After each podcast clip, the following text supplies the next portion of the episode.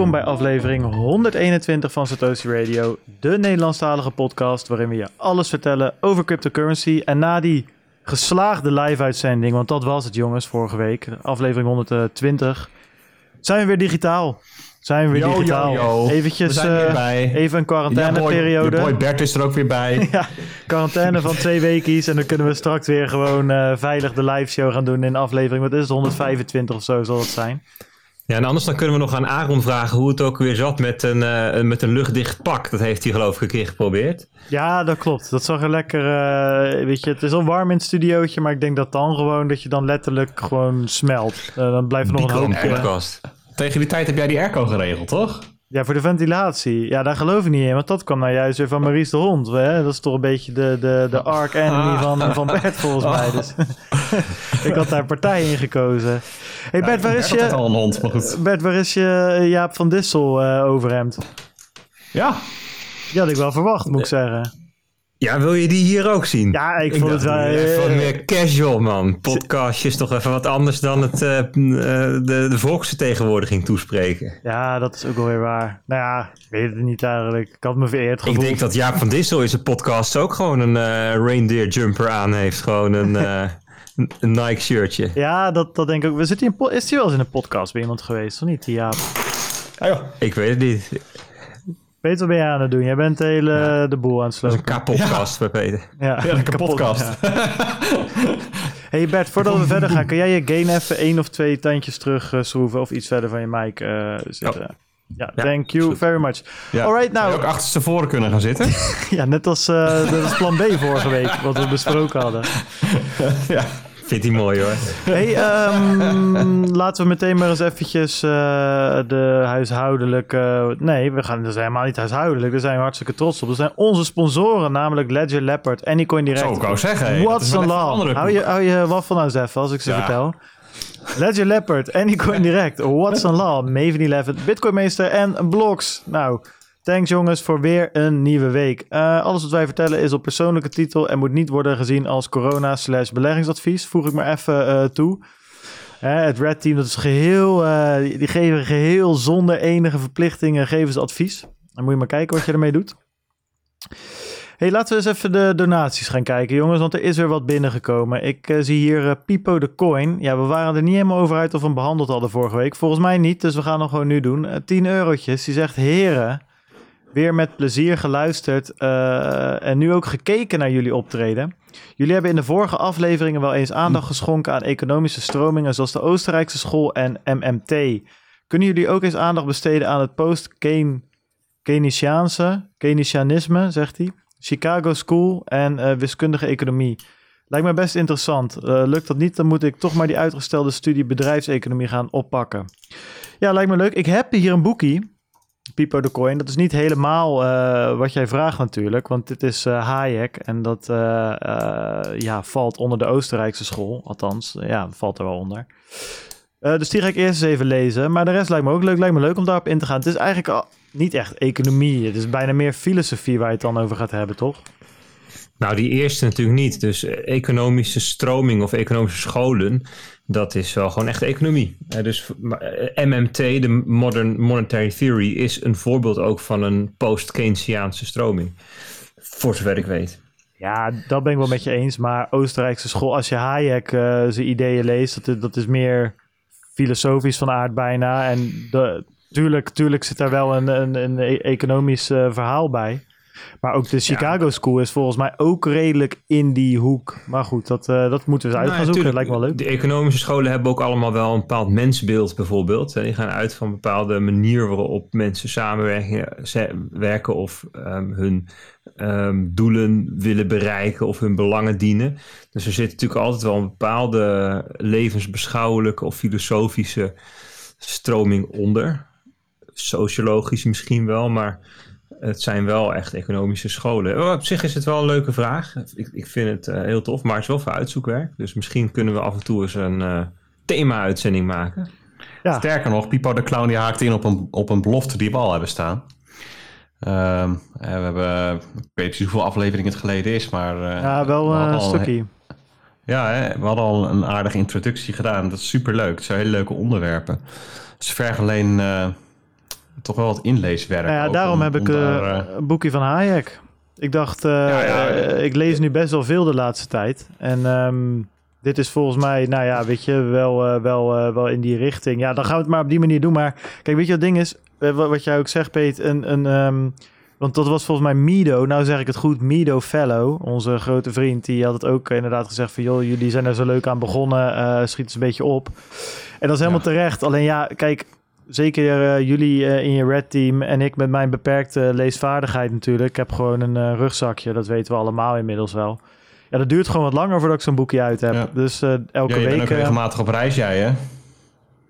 wat naar, eh, gewoon naar mijn ouders weer een keertje als ik één keer in de maand uit het gesticht... eh, Nee, naar Verdansk? Ja, laatste tijd minder. Ik ben dus meer aan het lezen. Ik heb al een weekje, eh, weekje weinig in Verdansk Ah, heel goed. eh, doorgebracht. Nou, en, en het punt is ook, je hebt eigenlijk een heel rijtje van dat soort boeken nodig. voordat je echt een, goed in die materie zit. Wat hij zegt, hè, anders moet ik maar die studie op gaan pakken. Ja, het is haast wel zo. Ehm, en natuurlijk hebben we met z'n drieën er heus wel wat, wat kennis over. En, en we zouden er een heel eind komen. Alleen het risico is dan dat het een heel onsamenhangend verhaal wordt. En daar zijn er al zoveel van. Dus dat is een beetje het eh, spagaat waar we in zitten. Dat is wel waar. Maar weet je wat misschien een leuke is? Eh, die, die, we hadden het laatst over goede podcasts. Hè? Het hadden wat tips gegeven. Ik luister zelf vaak Philosophize This. En wat die gozer gedaan heeft, dat is dan een filosofie podcast. Die is gewoon bego- begonnen bij het allereerste begin. Dus i- aflevering 1 is Plato. En eh, dan gaat hij daar wel boeken van bespreken. En hij gaat dus door de geschiedenis heen. En elke keer is de chronologische soort van vervolgstap die hij pakt. Hè? En op Ja. die manier eh, kan hij het wel over één werk hebben. En eh tuurlijk zitten dan, daar dan gaten in. Maar daar komt hij dan later op hè, bij de andere werken van andere grote denkers, zeg maar. En dat is misschien hier ook wel leuk dat we... eh, weet je, je hebt Mises, je hebt Hayek, je hebt Keynes, noem ze allemaal maar op. Ja, dat, dat we gewoon één groot werk daarvan pakken en dat we daar een aflevering aan, aan, aan wijden. Hè? In plaats van dat je in één aflevering de gehele economische zee aan stromingen eh, wil, eh, wil Ja. oppakken. Maar we- we- het komt goed. We, we, gaan, we hebben nog een heel jaar. Nou, we hebben nog heel lang, nog veel meer dan een jaar. Dus eh, dat, dat, dat gaat er komen. Maar dat worden dan wel een soort thema-uitzendingen. Dat zal niet de bread and butter van de show worden. Hey, Tom heeft 2 euro gedoneerd. Hij zegt top maandafsluiting weer. First lightning payment BTW. Ja, Tom. Applaus, ouwe reus. Heel goed. Weer eentje. We hebben er al, ik denk, op meer dan 10 aan de Lightning geholpen. Dat is, eh, dat is, Ja, dat is ik- hoe mainstream adoption eruit ziet, jongens. Ongekend. Ja. Dan Ja, hebben dat we- is toch het punt waarop Bert altijd even zo'n mooie toespraak houdt. Maar... ja, Bert, we moeten Bert even een beetje erin werken. Maar dat komt goed, Ja, Peter. Een beetje Ja, enthousiasme, ja, dan, dan komt hij vanzelf eh, los. En anders heb we ik hebben hier... eigenlijk confetti-kanon nodig voor dit soort momenten. Dit, dit zijn toch wel de momenten waar we blij van worden, hè? Nou, ik heb nog wel... Ik Een, denk het. ik heb een masker van Thijs van der Brink. Dus eh, als we echt niet enthousiast krijgen, doe ik die gewoon op. En dan, voordat je het weet, praat hij de oren van je kop af. Dus dat komt goed. Dat komt goed. Maar hoeveel hebben we er al aan de eerste lightning payment gekregen? Dus dat is toch zeker gewoon richting de 10, denk ik. Ja, zeker wel. En met die notes die allemaal opgezet zijn, er zijn er ook minimaal vijf die die dingen gekocht hebben. Dus dat is hartstikke leuk. We hebben nog anoniem eh, zonder bericht, 5 euro. Dank je wel. Bowie, 2 euro zonder bericht. Bowie, thanks. Marky natuurlijk weer, onze oude reus. 1 eurotje, die zegt prima podcast weer. Ja, dat is gewoon eventjes die confirmation waar het elke week voor Ja. doet. Gewoon kort en Ja. krachtig, niks aan het handje. Dat is Mark. Ik denk dat het toch een extreem gevoel van leegte gaat geven als hij een keertje gaat overslaan of er gewoon mee, mee kapt. Dat kan echt niet.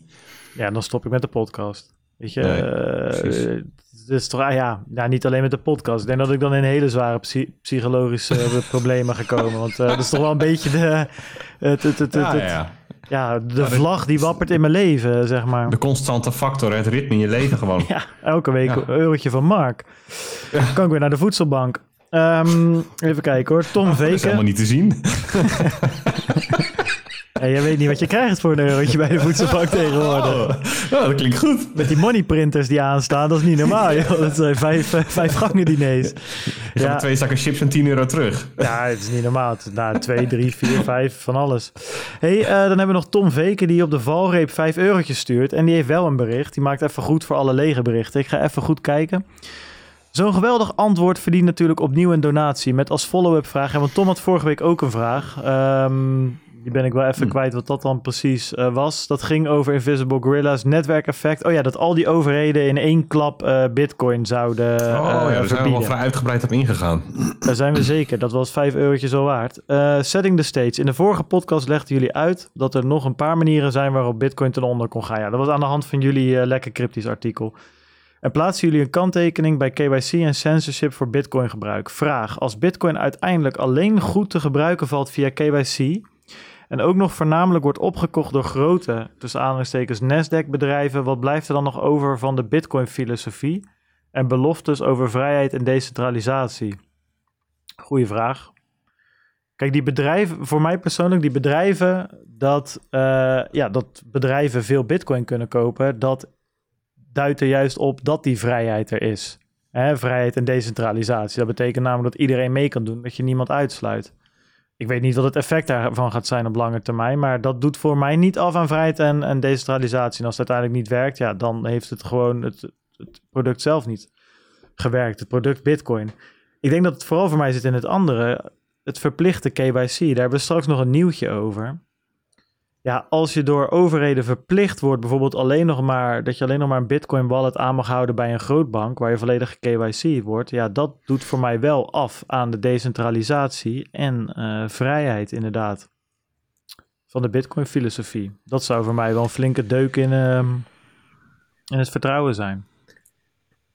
Ik weet niet of ik, hem wel, of ik het wel eens ben met de ehm, gedachtegang erachter. Want het, een wallet moeten aanhouden bij een grote bank, dat betekent dat, het, dat je een custodial oplossing hebt. Ja. Ja, dat is zeker een, een probleem. Hè? Dat betekent dat je eigenlijk net zoveel eh, bescherming hebt als nu bij een commerciële bank. Bank failliet geld weg. Dan heb je nog wel een claim misschien op de boedel of verzin het allemaal maar. Maar dat is gewoon niet wat je wil. Dat is zeker niet hoe bitcoin is bedoeld. Nou, dat ligt er toch wel Maar een je beetje aan of je dan frac- fractional banking hebt, Bert, of niet?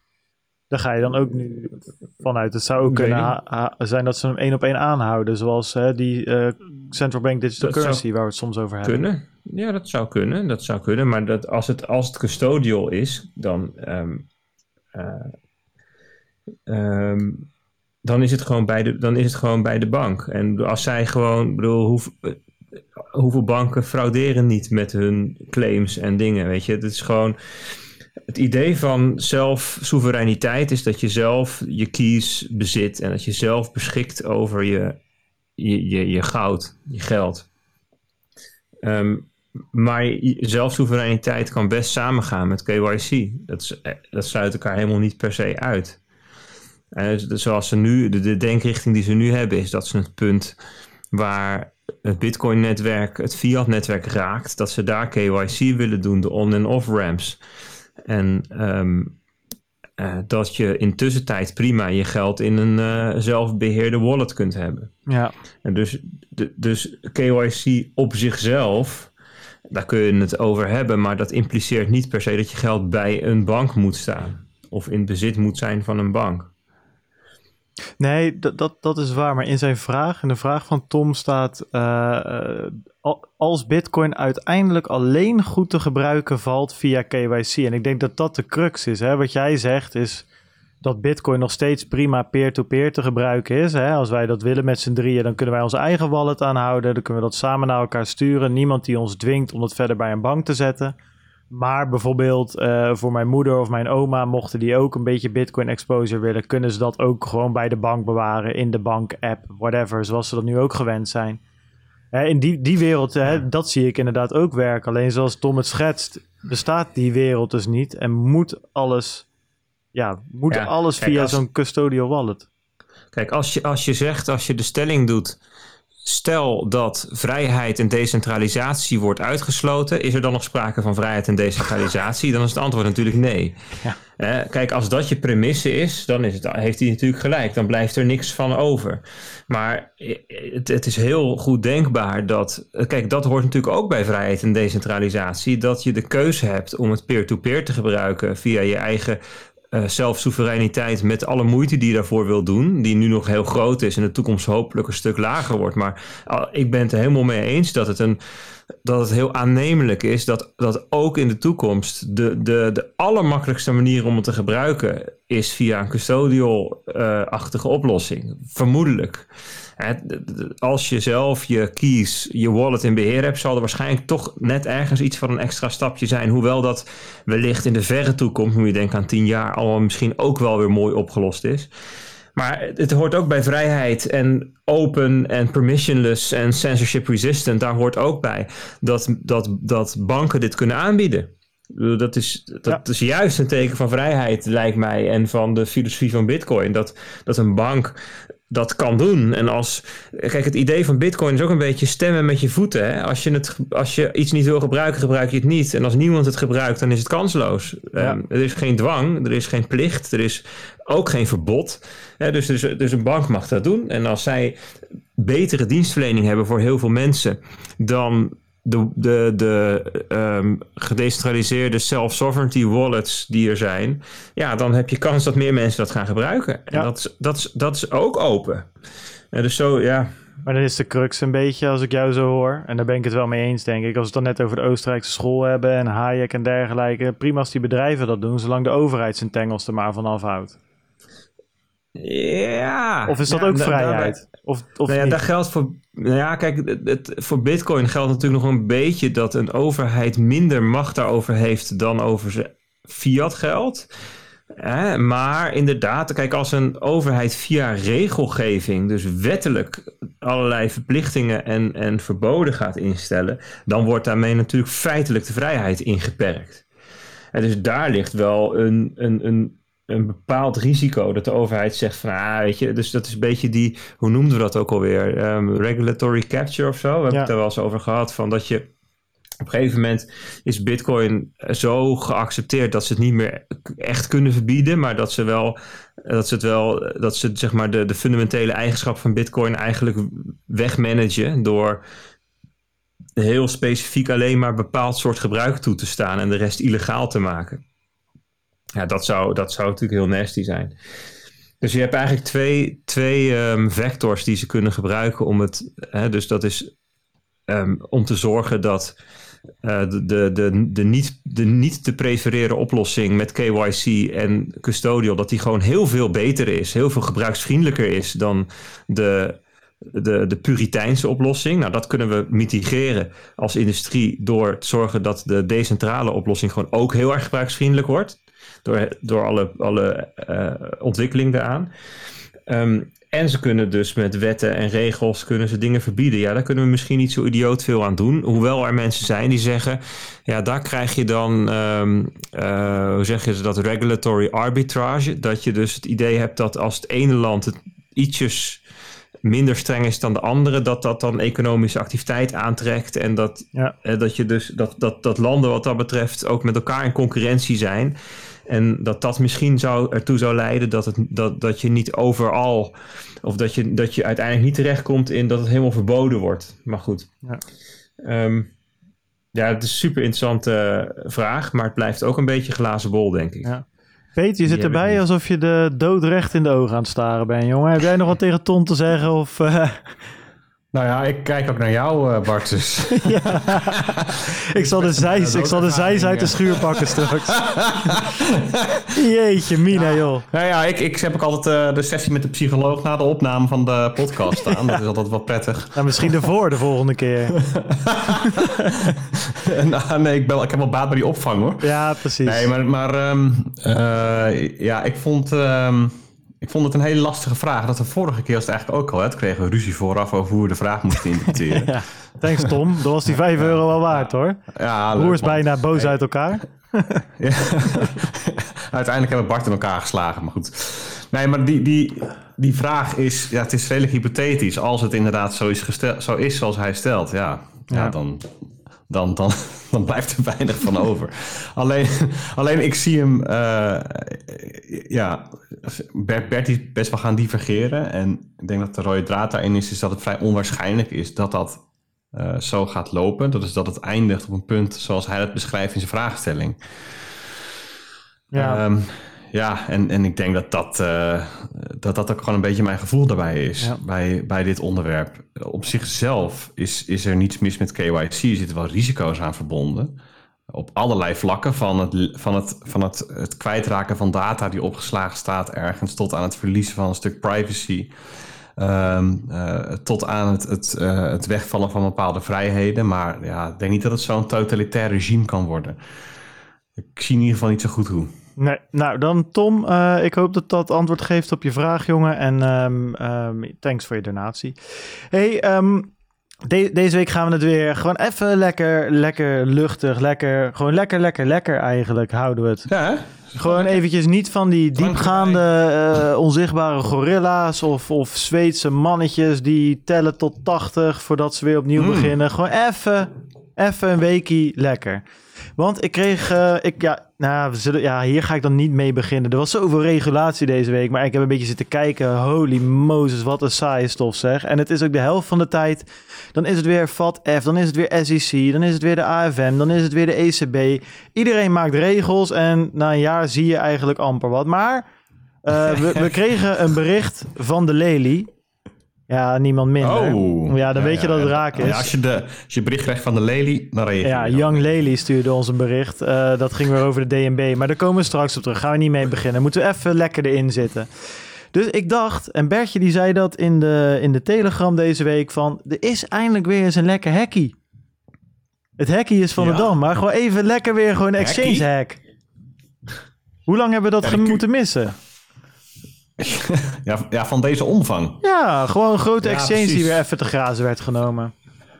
Ja, ja ik, ik, ik, ik kan me eigenlijk eh, niet herinneren wanneer de laatste was van deze omvang. Kleintjes wel. Ik weet met Oh. Wijnand eh, in, in de podcast hebben we echt veel hacks behandeld hoor. In de, in de, in Ja, de ja. eerste, tweede jaar. Maar dat is echt een tijdje. Cryptopia. Ja, Cryptopia, Quadriga. Je had natuurlijk die, die gozer met zijn, eh, met zijn ledger die doodging in India. En eh, van alles en nog wat. Maar eh ja, dat was ook een verhaal. Binance hack inderdaad, nog, ja. Ja, die, dat, waar die de chain wilde terugdraaien op een gegeven moment.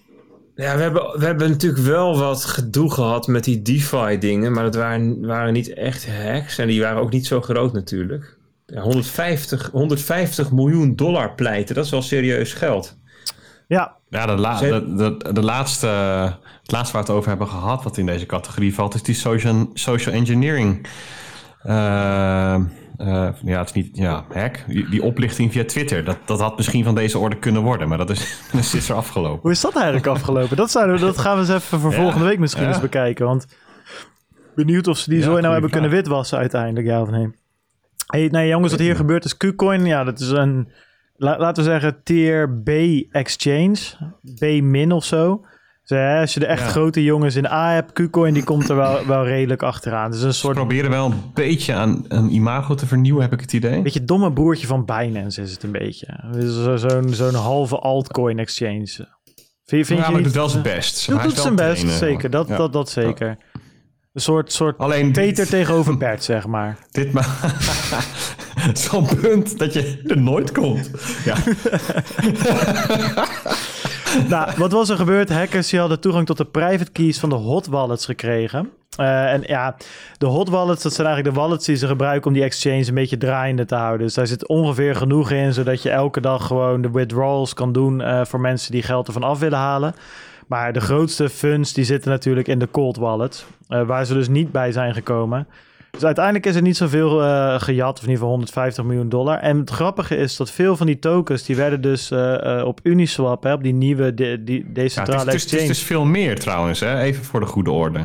Helemaal niet. Dit heb ik nog van... 200, eh, e- 281 miljoen is het, lees ik hier. Dat, was, dat is van 30 september, komt mijn informatie.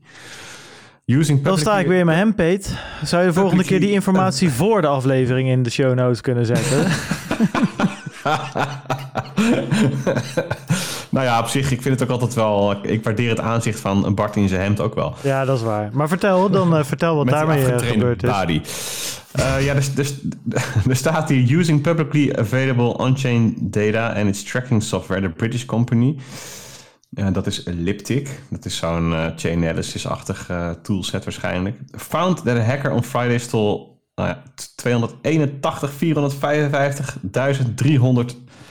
dollar, 281 miljoen, om from cryptocurrency exchange KuCoin. Dus ongeveer 13,2 miljoen dollar uh, verkocht op decentralized exchanges, waarvan Uniswap de grootste is, geloof ik. Ja, dat, die info had ik ook. Dus dat zal dan correct zijn. Ja, ja, dat is wat. En die 152 miljoen, dus dat deel, van, dat deel van de diefstal, ging om ERC20 tokens. Dus Ethereum op Ethereum gebaseerde tokens. Maar goed, die, worden, die zijn dus, hebben dus een heleboel. Hè? Uh, laten we het maar even weer zwart-wit shitcoins uh, noemen. Hebben ze uh, te pakken gekregen. En die zijn zoals een gek op Uniswap om gaan zetten in Ethereum volgens mij. En daar eindigt het ook een beetje. Want het is heel. Ja, de, de grote. Die, die, die grote exchanges die werken best wel goed samen om de gateway van Ethereum of van Bitcoin naar euro's of dollars dicht te zetten. Dus ze kunnen er je ziet wel vaker de laatste tijd dat die hackers dan niet zoveel kunnen met die funds eigenlijk. Ook al hebben ze ze uiteindelijk in Ethereum of Bitcoin. Dat snap, ik niet. Als je, als je, je funds hebt in, in, in Ethereum of Ethereum tokens, dan kun je alles swappen naar Ethereum. Mhm. Want Uniswap is gewoon permissionless. Dat, dat doen ze ook, inderdaad. Ja, en dan kun je, dan kun je daar, bedoel, dan heb je daar gewoon serieus uh, je, kunt, je kunt handelen, je kunt steken, je kunt, hoe heet dat? Je kunt gewoon yield farmen, je kunt er alles mee doen wat je wil op al die decentralized platforms. Die, die kunnen je niet buitensluiten, toch? Nee, maar omwisselen naar euro's op een bijvoorbeeld Kraken of Coinbase uh, behoort in ieder geval niet meer zo makkelijk tot de oplossingen. Dat hebben ze wel aardig afgesproken met elkaar tegenwoordig, uh, heb ik het idee. Als je dat vergelijkt met een paar jaar terug, want toen, toen werd daar veel minder snel op gereageerd, ehm, heb ik het idee, met het blacklisten van dit soort uh, uh, adressen. Wat ja, trouwens, blacklisten, ja. ja. ja. totdat je op een gegeven moment natuurlijk voldoet, dat dingen voldoende uh, van de radar zijn verdwenen. Ja, ik weet het niet. Ik vind, wel, ik vind het wel serieus. Weten jullie ook hoe, hoe ze het gedaan hebben? Ze hebben die hot wallets hebben ze leeggetrokken. Ja, ze hadden de nou, private keys te pakken gehad. Maar hoe ze dat te pakken hebben gekregen, dat uh, vertelt mijn artikel niet. Maar misschien die van Peet wel. Peet, weet jij het? Wat? Dat is natuurlijk dat is de spannendste vraag. hoe, hebben ze, hoe hebben ze nou die hot wallets leeggetrokken? Wat hebben ze gedaan? Wat hoe hebben ze het gehackt? Wat, wat, is de, wat is de truc geweest deze keer? Ik heb, ik heb geen idee. Ik las dit uh, terwijl Bart zijn introductietje deed. Ik denk, nou weet je... Nou ja, het, staat er, het staat er ook niet in. Maar goed, misschien dat dat nog naar buiten komt. Ik zag wel dat de uh, CEO een hele uh, livestream had gedaan. Maar dat was dan ook weer in het Koreaans volgens mij. Dus ik verstond daar vrij weinig van. Wat wel grappig is, dat is nog wel een leuke toevoeging. Um, Ocean Protocol, en dat is een van die ESC20 tokens die dus uh, gejat was. Die, uh, die hebben gewoon uh, een blockchain gefreezed. En een rollback gedaan. Dus die hebben, die, ja, die hebben gezegd. Een beetje wat, wat, Wanneer had Ethereum dat gedaan bij de DAO? Een beetje dat idee. Ja. Tja, moet je dat nou goed vinden? Nee, ja, denk het niet. Maar ik vond het wel interessant dat dat direct zo'n DeFi-project even liet zien hoe die centralized ze daadwerkelijk waren. En uh, niet, echt dus eigenlijk. Eh, of echt niet, liever gezegd. Hoe kan je nou, ik snap het niet hè. Ja, ik heb het ook niet gelezen hoor. Of er misschien een briljante redenering achter zit. Maar hoe kan je nou nu nog in 2020 dat, dat echt, we hebben echt als community, als ecosysteem, als industrie al honderd keer met elkaar over gediscussieerd hoe relaxed het vinden als mensen dit soort dingen gaan zitten terugdraaien en dat je dat dan toch weer gaat doen. En ook, en, maar ook hè, dat het, het terugdraaien van een hack is al zo vaak genoemd als signaal dat een project niet decentralized genoeg is. Ik bedoel, dit is toch. Ja, ik, ben met je eens. Ik ben het helemaal met je eens, Bert. ik kan niet voorstellen. Hoe, ja. Hoe halen ze het in hun kop? Wat zit er, ja, misschien zit er iets geniaals achter wat wij allemaal volledig over het hoofd zien. Ja, kijk, als je als, als je als team daarnaar kijkt hè, en jij hebt uh, nog een of andere developer fund uh, tot een nok toegevuld met dat soort tokens. Op, op een exchange. Ja, of gewoon uh, in, je, in je eigen wallet. Nee, maar meer van je, je hebt die dingen nog. Hè? Dan heb je zoiets van: oké, misschien dalen ze in waarde. Maar als we dit terugdraaien, behoudt het in ieder geval nog iets van zijn waarde. Iets, iets, in, iets in die richting of zo. Maar ik ben het met je eens hoor. Ik, uh, het, doet meer schade dan, uh, dat het, uh, dan dat het goed doet. Dus goed, nou ja, dat was de KuCoin, ehm, KuCoin hack. of heb jij nog, ik hoorde jou druk typen, Peet. Ben je een verslag aan het tikken of een red team advies? of zat, je, zat je nog wat extra info op te zoeken?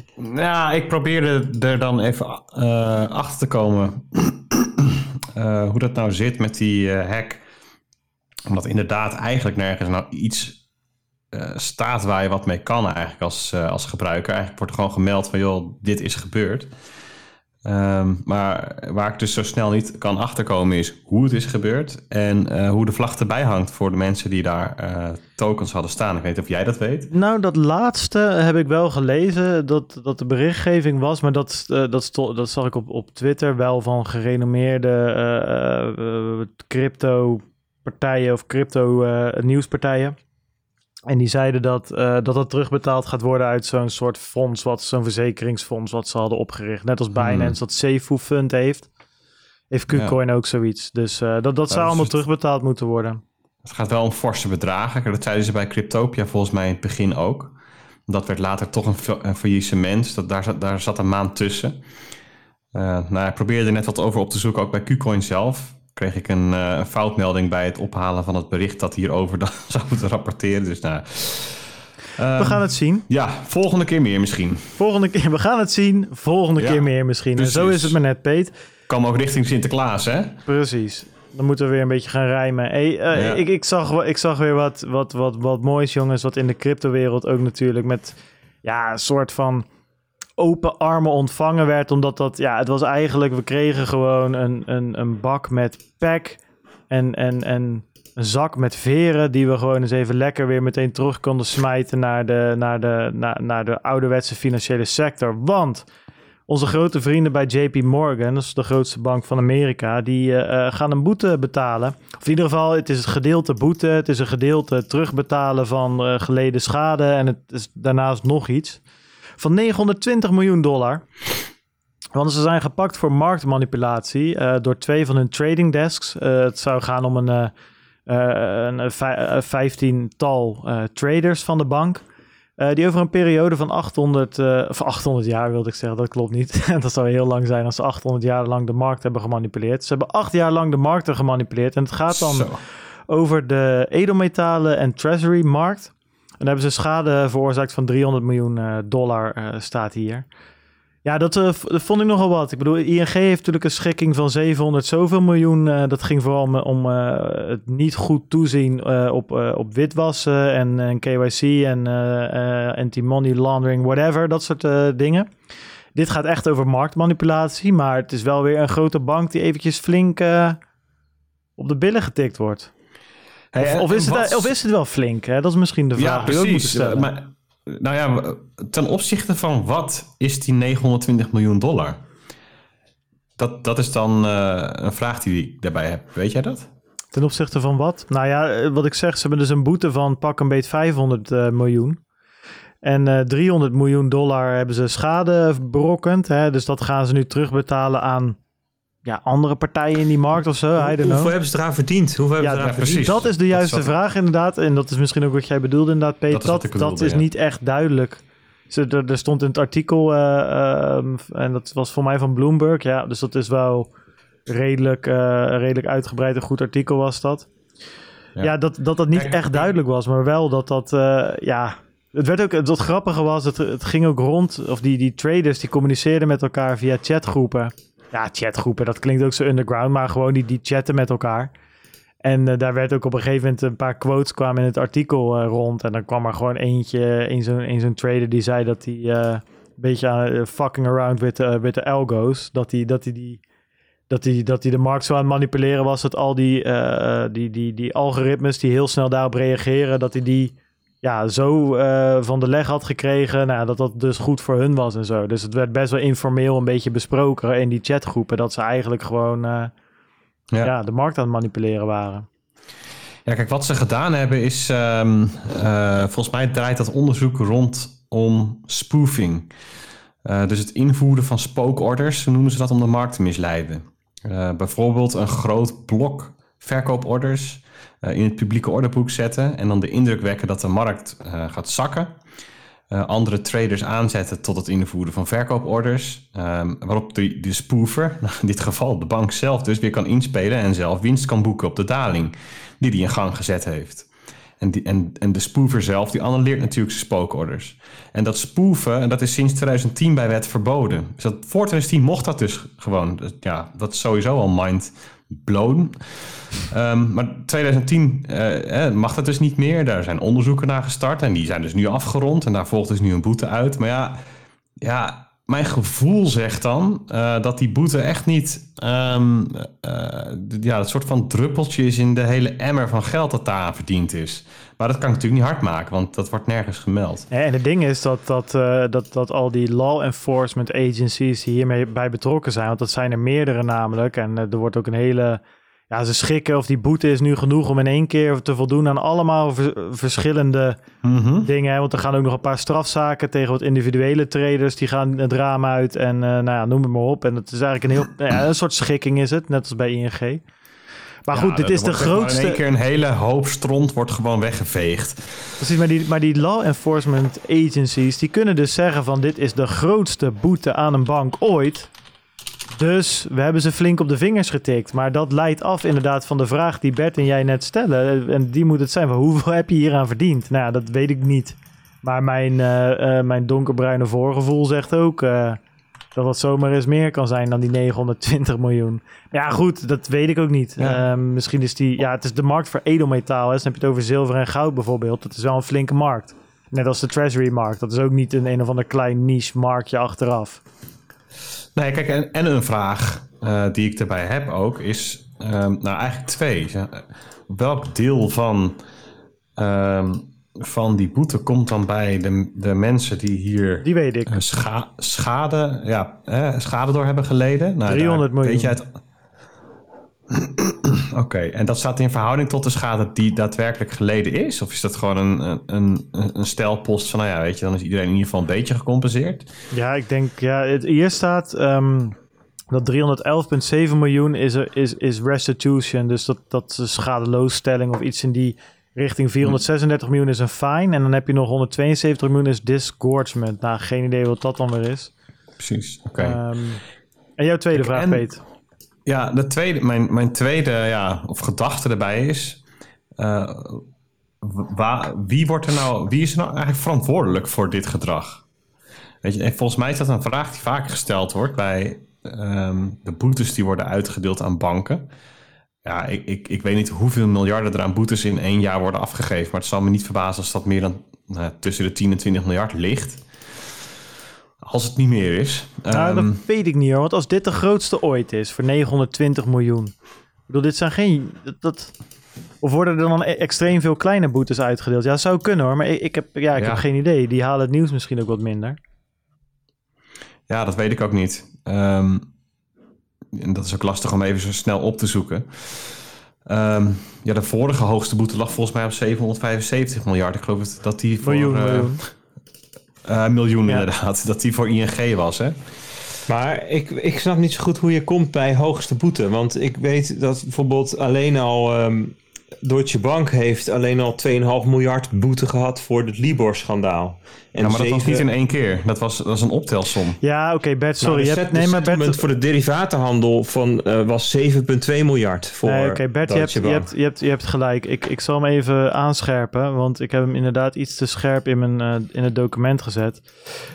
Het, gaat om de largest sanction ever tied to the illegal practice known as spoofing. Dus je, je hebt gelijk. Het is. eh, Ja, maar dit is voor banken is het niet zo zo'n hele idioot grote boete. Hè?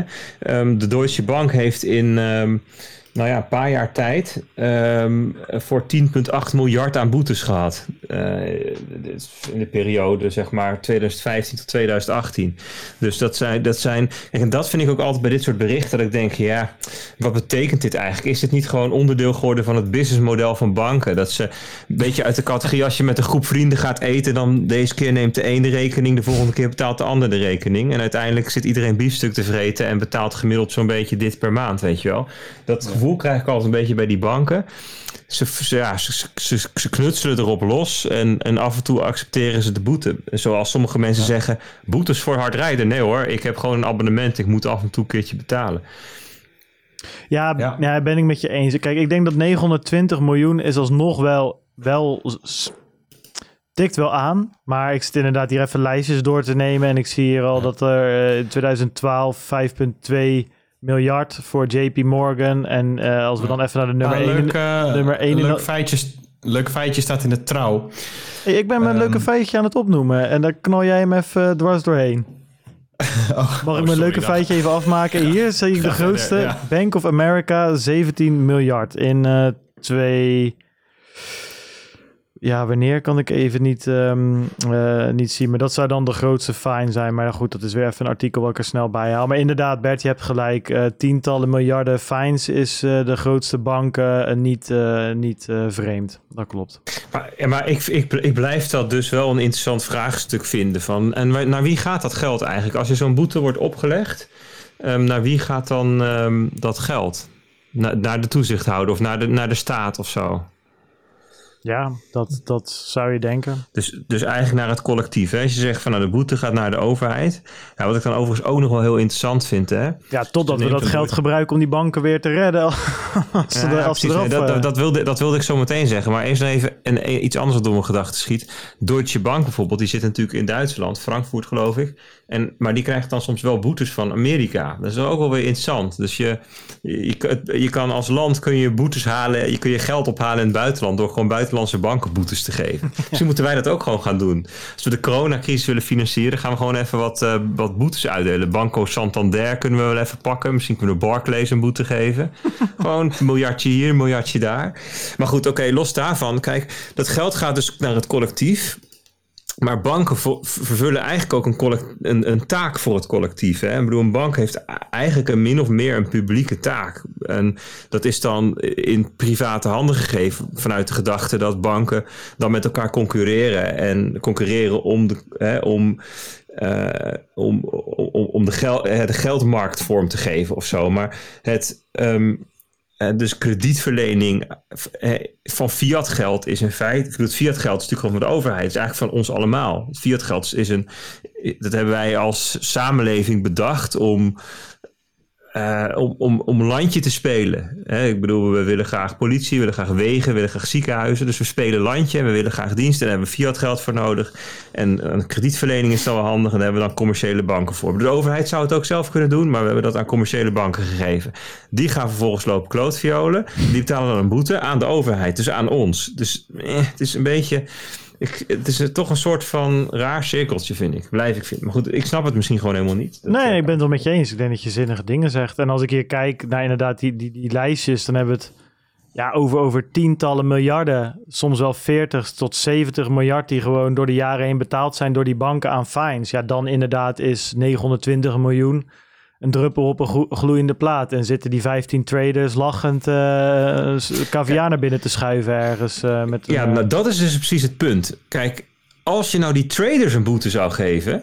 Kijk, dan is iemand doet laakbare dingen... die gaat over een grens heen... en die krijgt daarvoor op zijn flikker. Dat, bedoel, dat, dat is een soort symmetrisch. Nu gaan die traders doen rare dingen. Die sturen elkaar eh, grappend in, de, in, de, in, in, in een telegram groepje... berichten over hoe ze de algo's lopen te fucken. En vervolgens de boete gaat naar de bank. Ja, dat is dus gewoon publiek versus publiek eigenlijk. Ik bedoel, het is... Ja, dat is toch het hele verhaal van de bonus is voor de bankier en de malus is voor de maatschappij. Ja, dat is toch dit eigenlijk ook? Het is lekker asymmetrisch. Dat is precies wat het is. Wat las jij in trouw, eh, Peet? Daar ben ik nog wel benieuwd Ja, nee, ik, ik durf niet meer in te breken, joh. Ik zit hier gewoon te shaken op het moment dat ik wat mag zeggen. Ik geef je de beurt. Je hebt de, de praat, ja, ja. eh, de praat Ja, fijn, fijn, Eh, dank, dank De je praatpuppy. Ja, ik, ik, ik neem hem aan. Ik heb hem in mijn handen hier. Ik- we had- we hadden het even over, ehm, eh, over wat er dan gemiddeld aan, aan boetes per jaar betaald wordt. Ik zei 10, 20 miljard. Nou, ik las in Trouw, dat is een artikel van 2017, dat de 50 grote Amerikaanse en Europese banken sinds de economische crisis die in 2008 uitbrak, minstens 321 miljard dollar aan boetes moesten betalen. Dus dat is een periode van negen jaar. Dus dan heb je het over, eh, nou ja, het gaat dan richting de 40 miljard dollar per jaar, alleen al van die 50 banken. Ja. Dus dat, ehm, ja, wat Bert zegt, het is, het, is, het is een soort onderdeel geworden van de status quo. En mijn, mijn laatste vraag ging inderdaad over wie is nou verantwoordelijk. Dat hoor je eigenlijk sinds die kredietcrisis al. Hè, van, joh, waarom mag, mag iedereen daar gewoon mee doorgaan? Wie wordt hier, wie wordt hier nou voor aansprakelijk gehouden? nou, niemand. Ik, ik denk dat Ja, dat... de ehm, bank als rechtspersoon. Ja, Ja, dat, dat, is wat het, dat daar kan je van vinden wat je van vindt. Maar dat, dat is hoe het wel eh, gaat. Je hebt wel bij ING, was het geloof ik, zat er wel weer ehm, iemand te, die zat er wel weer achteraan te gaan. Dat is zo groot die dat wel, Lakenman volgens mij.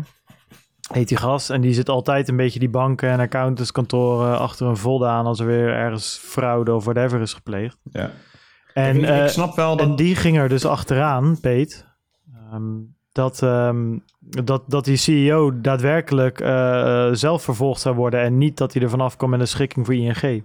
Dat is precies wat je zegt. Dat is iemand die daar dus eh, zich schijnbaar hard voor Ja. maakt. Maar goed, daar kan je ook weer gaan kijken van... in hoeverre heeft dat zin? Hè? Want dan trapt zo'n groot conglomeraat... die trapt een of andere trader voor de bus. Eh, Is dat dan de oplossing? Hè? Misschien, maar... misschien Nee, ik vind dat de, de, de mensen die op key positions zitten en de beslissing nemen om van spoofing gebruik te gaan maken, om bepaalde doelen, doelen te bereiken, willens en wetens, dat die daarvoor aansprakelijk zijn. Niet mensen per se die het uitvoeren. Hm.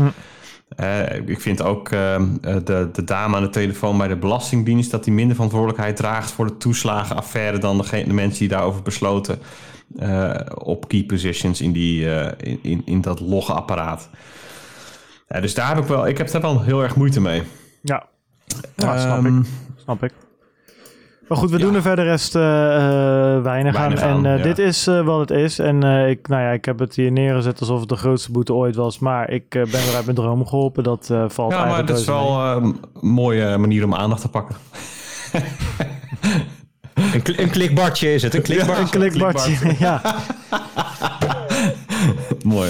Ik zal hem denk ik Hey, straks, drie- ik zet hem straks op Twitter. Dan zeg ik, eh, grootste boete ooit. Een draadje. En dan eindig ik aan de onderkant. Het is eigenlijk een hele kleine boete. Hè? Dat, eh, ik heb van de beste geleerd, zeggen we dan. Ja, ja. volgens mij heb je hier het, eh, het principe van online marketing te pakken. Precies. De drie bitcoin weetjes, Peter. Kom maar op. Ja, ik, ik vond gewoon even drie kleine leuke dingetjes. Ehm, ja, eh, deze week was dat presidentiële debat, het verkiezingsdebat. We gaan het zo nog even over hebben. Ehm, maar eh, hoeveel was Bitcoin waard de vorige keer dat er een presidentieel debat plaatsvond? Dat is vier jaar geleden, 2016. Dat was toen tussen Hillary Clinton en, eh, en Trump. Wat denken jullie? 658 euro. Euro ook echt. Dol- dollar bedoel ik, sorry. Ah, oké. Bert? Geen idee. Zeg maar. Geen idee. Hij, hij, hij, hij gokt niet. Niet gokken is altijd mis, hè? Hey. Maar eh Bart, je zit verrekte dichtbij, man. 630 dollar toen. Ai. Nou ja, dat is... eh nu nagaat. Zo, zo, zo, zo. Verdorie. Ehm, ja, Ja. ja, precies. Twe- tweede eh, eh, weetje ik tegenkwam. Eh, Bitcoin heeft een nieuw wereldrecord verbroken. Want nooit eerder was één Bitcoin zo lang achter elkaar meer dan 10.000 dollar waard. Dat vind ik gewoon jammer, Peet, dit. Dit vind ik gewoon weer jammer. Wat? Ik zet zo'n heel do- documentje vol met allemaal leuke dingetjes die ik helemaal uit zit te werken. Peter komt 5 voor 3, eventjes drie leuke bitcoin weetjes. Bartsen punt 8, Bartsen punt 9 en Bartsen punt 10. Serieus? Maar het is goed, weet je. Zo lijkt het nog een beetje een soort van drie-eenheid. Oké. Ah, ja. Oh, die had ik nog niet gezien, inderdaad. Zal ik dan bitcoin een beetje 4 of 3,5 meteen maar toevoegen? Want Ja, het was ja, ook maar... Ik heb, drie, ik heb drie nog niet gehad. Even kijken of die erin staat. Z- Zeg maar, wat is 3? Wat is 3? Ah, ik ben benieuwd. Ja, ik durf, daar niet. Bart. Gooi hem, gooi hem er doorheen. Ja, oké, ik, ik gooi hem erin. Nou, Bitcoin numero 18,5 miljoen is gemined. Ja, dat is een mooi rond Ah, dit, dat, is een dat is inderdaad een leuk weetje. Ik vergeef En- het je en, weer eh, dat je... Ah, Ehm, ja, nee, in totaal is nou meer dan 88% van alle bitcoins in omloop gekomen. Het duurt nog wel even voordat ze allemaal in omloop zijn gekomen. Dat, volgens mij heeft het nog meer dan een eeuw. Ja, dat, dat waren de drie dingetjes die ik zo vlug even tegenkwam. Ik dacht, leuk om even te Nou, delen, die, die ik- ik- 10.000 euro is best wel interessant natuurlijk. Want ik zag hem ook eh, eh, langskomen. En we zitten inmiddels voor mij op 65 dagen of zo. eh, Want het was van een, van een aantal dagen terug. En dat, dat eerdere record, dat, eh, dat, dat stond van 1 december 2017 tot... Dat zal dan waarschijnlijk ergens in eh, februari geweest zijn, denk ik. Als dat 63 dagen was. Ehm, en dat, dat was dus de enige keer dat Bitcoin zo, en dan moeten we het goed zeggen, zo lang elke dag geclosed is boven de 10.000. Want we zijn in de tussentijd natuurlijk vaak zat eh, eh, daaronder gegaan. Hè? We zijn de afgelopen, eh, of nou niet de afgelopen week, maar de week ervoor vier, vijf keer onder de 10k geweest. Maar elke Ja. dag zijn we gesloten boven de 10k. En daar gaat het om. Nou, best grappig op zich. Ik moet wel zeggen, de Klinkt vorige... alsof, Voor, alsof, je, ja? alsof jij de marktupdate aan het doen bent, joh. ja, ik heb me Ja, ingelezen. Ik heb echt mijn best gedaan, jongens. Om Ja? eventjes een skeletje voor jullie neer te zetten. Waar we wat mee Maar kunnen. even je scherm delen of zo? Wat lijntjes trekken. Je, je, bedoel, je hebt geleerd van de beste. Ja. Trouwens, geleerd van de beste, wat ik nog eh, door wil geven. Ik wil eventjes eh, Chips, hoe heet die nou, eh, even bedanken. Ik ga even mijn telegram erbij pakken. Oh jongens, we moeten altijd zoveel mensen bedanken, maar we hebben zoveel vette shit. Wouter, Wouter. Wouter ga ik bedanken, want Wouter die had in de, in de livestream gestuurd dat hij eh, de Bitcoin whitepaper op een eh, stuk plexiglas ging sturen. Nou, dat heeft hij gedaan. Oh. Super vet. Ja, ik kan, ik kan hem niet echt laten zien, omdat de druk is dus een beetje fout gegaan. Dus eh, ja, er komt de er... Ethereum whitepaper. Ja, precies. of het is de EOS whitepaper. maar, ehm, eh, dus er komt een nieuwe drukker. Maar ik heb hem alvast een beetje gezien. Ja, het is wel heel vet hoor. Dat gaat wel heel gaaf worden. Dus Wouter, nogmaals bedankt eh, voor dat toffe cadeau. hey, dus ehm, ja, die bitcoin weetjes. Ja, zegt dat nou wat dat we zo lang boven die 10k zitten? Het zegt wel wat op zich. Ehm, maar goed, na de vorige keer zo lang op 10k gingen we ook gewoon weer eh, door het putje. Dus ja, Ja, ik, ik, ik denk niet dat op dit soort dingen het Lindy-effect eh, van toepassing is. Nee, dat sowieso niet. Wat ik wel... wat wel zou kunnen... Wat een domme suggestie. Jezus, vergeet. ja, doe eens even heel snel je microfoon aan. Oké, oké. Ja, en nu? Ja, ma- mag jij, mag jij door met, eh, met je Oh, verhaal? jij, wilde wel wat zeggen over die 10k volgens mij. Kijk, wat wel ehm laatste tijd ehm langskwam in, die pod in podcasts, vooral in gesprekken met die gast van eh, MicroStrategy, is dat hij zei van ja, weet je, wij zijn best wel lange periode achter elkaar, dagen achter elkaar bezig geweest met het kopen van die bitcointjes op een bepaalde prijs. En dan echt kleine stukjes achter elkaar. En daarmee halen we de volatiliteit ook omlaag. Hè? Want wij zijn, wij, wij zijn eigenlijk een soort van dagen achter elkaar een soort van fundament in de markt. Kijk, dat betekent niet dat het niet ergens doorheen kan, die prijs. Als er namelijk op een andere exchange een enorme order gemarketseld wordt, dan, ehm, en dan, dan, dan daalt dat daar, die prijs gemiddeld natuurlijk eventjes. Hè? Dus dat, dat kan, maar dat daarom is het goed om naar die daily close te kijken, wat Bart al zei. Maar dat zou natuurlijk wel kunnen betekenen dat hij daardoor ook minder volatiel is en langer op een bepaald, bepaalde bodem heeft of zo. Dus dat, dat voorspelde die gast ook, dat dat, dat, dat, dat, de volatiliteit lager zal maken komende tijd, als meer bedrijven dat zouden kopen structureel. Ja, want dat is op zich wel een interessante. Want eh, Bitcoin is de afgelopen tijd. Ja, dit is wel. Dit is, ga ik heel eerlijk zeggen. eh, disclosure, disclosure van alle drogreden die ik nu ga gebruiken. Bitcoin is dus minder volatiel dan Tesla. Ehm, nou, daar zitten we natuurlijk wel te cherrypicken, want het is dan Bitcoin de afgelopen tijd. En Tesla is natuurlijk nog nooit zo volatiel geweest als de afgelopen tijd. Bladibladibla. En dan pik je het meest volatiele aandeel ten opzichte van de meest stabiele crypto. Maar goed, de cryptomarkt, dat is gewoon veel stabieler dan die aandelenmarkt, joh. Wat lopen ze nou allemaal te houden?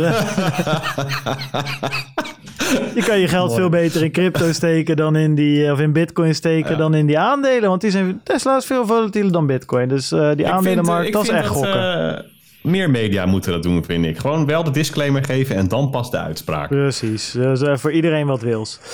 Ja. Ehm, de presidentiële verkiezingen. Nou, Peet, jij hebt gekeken, want je bent me echt al een paar keer in de reden gevallen. Dus eh, dat heb je goed opgepikt, moet ik je eerlijk moet je nageven. ja. ja, wat een, wat een vertoning, joh. Maar hebben jullie er wat van gezien? Ja, ik heb hem helemaal gekeken. Ja, niet s'nachts. Ik heb hem de dag erna, ik heb hem de dag erna Oh, aangezet. Ik denk, ik ga het eens kijken in plaats van alle fake vond je news. ervan? Eens. Dat Eh, klinkt als zelfkastijding. Het klinkt een beetje als eh, piano's op je grote teen gooien. Een beetje, dat, dat, Ja, die, die, dat, dat, Toch? dat is nog licht uitgedrukt. Ja, kijk, weet je wat het is? Matig. Ik heb alleen maar af en toe een quoteje gehoord op de radio over een heel klein fragmentje. En toen dacht ik al, jemig, wat is dit? Ja, maar daarom, dat is dus het ding wat ik een beetje had. Hè. Kijk, je leest natuurlijk tegenwoordig veel eh, over eh, echte verhalen en ehm, echte verhalen en het winnende geluid. Weet je, dat soort dingen en fake news hier en, en staatsmedia, NOS, zus en zo. En uh, toen dacht ik, ja, weet je, in plaats van dat ik nou inderdaad die, die quotejes ga kijken, ik, ik zet dat ding gewoon eens aan. Het duurde ook maar een uurtje en een kwartier, zoiets. Ik denk, zet hem aan uh, op mijn tweede scherm tijdens het werken. Nou, ik heb weinig gewerkt, wel gelachen. En een beetje gehuild ook wel, moet ik zeggen. Meer gehuild, denk ik hoor, dan gelachen eigenlijk. Want het was wel heel erg triest. Uh, die, die, die, uh, die, die quotes en die korte fragmentjes, die gaven best wel een goed beeld hoe dat hele debat uh, ging. Nou is natuurlijk uiteindelijk Trump zijn uitspraak over um, stand back en stand by heel erg eruit gehaald. Ja, kijk, weet je wat het daar wel een beetje is? Ik wil dat, ja, weet je, ik ben geen, geen Trump-fan hoor, dat zal ik heel eerlijk zeggen. Maar dat werd er wel een beetje uitge, uitgepikt, terwijl hij daar een soort van aan het freestylen was op zijn, op zijn Trumps. Daar was hij gewoon al twee minuten aan het ratelen over wat hij wel en niet moest zeggen. En dat hij iets wel zou zeggen als er gezegd zou worden wat hij moest zeggen. En toen gooide hij dit eruit. Het was een soort van rapper die niet meer precies wist wat hij moest freestylen. Ik ben zo benieuwd hoe dat communicatieteam van Trump zich gevoeld heeft. Ja, maar hij, hij, gaat maar. En nou ja, goed. Kijk, het was verder wel. Het is wel echt, als je die uitspraak gewoon zo eruit pikt, is het natuurlijk best wel uh, ernstig wat hij zegt. Van, uh, van jongens, uh, het ging over die Proud Boys. Dus dat is een soort militie en gewapende, of die bewapenen zichzelf. Ja, stand-by of zo, zei hij. Ja, dus, dus, ja. dus hou je haaks en, en let op. Ja. Ja, goed. En Biden, ja, weet je, ik moet zeggen, hij kwam beter uit zijn woorden dan in al die filmpjes die ik over hem gezien had. Um, dus dat was wel goed om een keer te kijken. Maar alsnog kwam hij niet echt lekker uit zijn woorden. Het is niet echt een hele charismatische vent of zo. Nee, dat, dat is ook een beetje het ding. Hè? Volgens mij, ik las um, dat, dat deze strijd, um, dat, bij het debat, dat er nooit eerder zulke oude kandidaten bij betrokken zijn geweest. Trump is 74, Biden 77. Ah. Zo, wat, wat als die wint? Overleeft hij überhaupt die presidentsperiode? Is dan een, ook een, een vraagstuk. Maar goed, dus, dus dat debat is dus niet alleen gegaan om standpunten, maar ook om wie het kwiekst en helderst kan reageren en formuleren. Niet alleen, ik bedoel, dat is, ik zou zeggen, grappig bedoeld. En ik denk ook dat het feitelijk zo is natuurlijk op, op die leeftijd. Um, maar ook niet alleen vanwege die leeftijd. Want het is ook een frame geworden, geloof ik, bij Trump dat... Ja, Sleepy Joe. Uh, dat, dat precies, is, dat is naartoe heeft noemt. gespind. Hè? En Slow Joe, geloof ik. En die deed er nog een schepje bovenop, ook deze week. Hè? Hij, hij uh, riep iets als um, uh, dat ze zich na dat tv-debat zouden laten testen op drugsgebruik. omdat hij stelde dat Biden zonder prestatie bevorderende, bevorderende medicijnen niet zou kunnen debatteren. Weet je wel? En dat was wel de toon waarmee dat debat inge, uh, is gestart. En wat ik dan niet zo goed snap, is dat uh, Biden daar niet goed op voorbereid was. Want het was, ja, eigenlijk is het hele, dat geldt trouwens ook voor die debatleider, het hele debat is toch om dat pesten van Trump gaan draaien.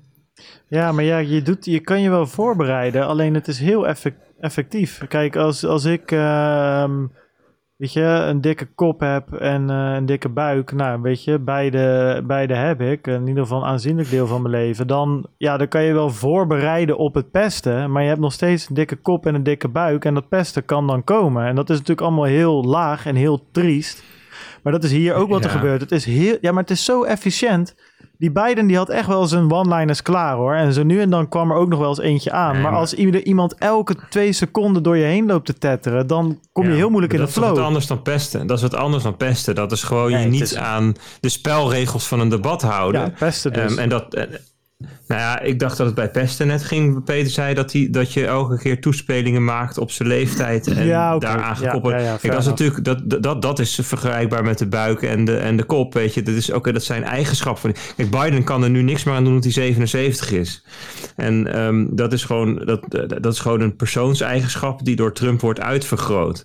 En je kunt ook van Trump zeggen dat hij oranje haar heeft. Dat is ook zo'n ding. Ja, ja, weet je, ja, dat is natuurlijk onwijs flauw om iemand daarmee te gaan pesten. Maar als jij een frame kunt verzinnen waarbij dat werkt, ja, dan dat is natuurlijk een niet inhoudelijke vorm van ja. proberen te, te winnen. Alleen ik vind dat nog wel heel wat anders dan dat je. Kijk, als, stel dat, dat Trump, hij kreeg dan twee minuten spreektijd per, per sectie, dat hij in die twee minuten het elke keer uitgebreid zou hebben over de leeftijd van Biden en hoe incompetent hij daardoor is, dat is nog anders dan dat je voortdurend door iemand heen staat te tetteren. Dat is echt, vind ik, nog een andere orde. Dan hou je je gewoon niet aan het spel. Dan hou je niet aan de regels. Dan doe je gewoon wat je wil. Ik denk serieus dat het communicatieteam van, van Trump de tijd van zijn leven heeft. Want het hele team, het enige wat ze doen, één keer per week, is een stapeltje A4'tjes uitprinten. En daar staat op lorem ipsum solo het set met. En dat geven ze aan Trump. En die doet namelijk toch gewoon zijn ding. Het maakt helemaal gewoon uit wat ze doet. En die krijgen wel betaald. Ja, ik ben toeterende uh, Cartman achter de kansel. Het is ongelooflijk. Ja, ik denk dat je, ik, dat is wel een goede, goede nuance die je maakt, Bert. Want inderdaad, het, niet, je, het je niet houden aan de uh, debatregels is wat anders dan drog, drogredenen gebruiken. Je zou kunnen zeggen dat misschien het niet houden aan de debatregels een drogreden op zich is, zeg maar. Omdat je daar natuurlijk wel... Nee, maar omdat je wel op een bepaalde manier een, een, een discussie probeert de, te winnen... Uh, door eigenlijk het debat gewoon onmogelijk te maken to begin with. Maar ik Trump heb toevallig... heeft beide gedaan, hè? Huh, sorry? Nou, Trump heeft beide gedaan. Hij heeft en het debat verkracht en hij heeft op niet-inhoudelijke gronden gewoon echt herrie staan schoppen. Ja, maar weet je wat het ding is? En dat, over die is gedraagd, over zijn snelheid, weet ik veel wat allemaal. Ja, maar ja, kijk, aan de andere kant, Biden heb ik ook een aantal... Uh, die begonnen ook van, ja, het is een beetje jammer dat je over mijn familie begint, Trump. Want ik kan ook allemaal dingen over jouw familie zeggen. Ja, bijvoorbeeld maar, maar Rits, een hele rij. Dan denk ik, ja... Maar dat is wat ik bedoel met, waarom heeft hij zich daar niet beter op voorbereid? Want ja, weet je, er zijn, er zijn heus wel manieren om uh, al dat soort niet-inhoudelijke dingen te pareren en, en je eigen verhaallijn te blijven vertellen. Volgens mij wordt het veel meer gewaardeerd. Ik vraag me echt af, af hoeveel mensen uh, iets van de inhoud hebben onthouden van het debat. Weinig, maar dat, is, dat... dat is een beetje het ding. Ik heb toevallig, um, ik uh, probeer tegenwoordig mijn eigen YouTube-kanaaltje weer wat leven in te blazen. Dus ik maak elke week een soort van verhaal over mijn week. En vorige week ook toevallig iets over drogredenen gemaakt. En het hele ding daarmee is dat je kan wel als een soort intellectueel komen zeggen van ja, drogredenen, op het moment dat je ze leert herkennen, dan kan je dat aankaarten in zo'n debat en dan win je. Maar dat is het probleem. Drogredenen, dat zeker in deze tijd waar, weet je, waar TikTok zes seconden duren, waar het nieuws in een minuut verteld moet worden, waar tweets in 240 tekens uh, behandeld moeten worden. Een drogreden is makkelijk. Je hoeft geen moeite te doen. Weet je, je maakt beiden belachelijk uh, voor Sleepy Joe. Of je zegt dat Trump een een of andere oranje ezel is. Dat spreekt lekker aan. Je hoeft als aanhoorder. Het is zo relaxed, want je kan zeggen: ja, Trump is een domme oranje ezel. En dan ben je klaar. Je hoeft niet eens meer te luisteren naar zijn argumentatie. Biden, dat is Sleepy Joe en die heeft Alzheimer. Mooi. Dan hoef ik nu niet meer te, te luisteren naar zijn verhalen over, over belastingen.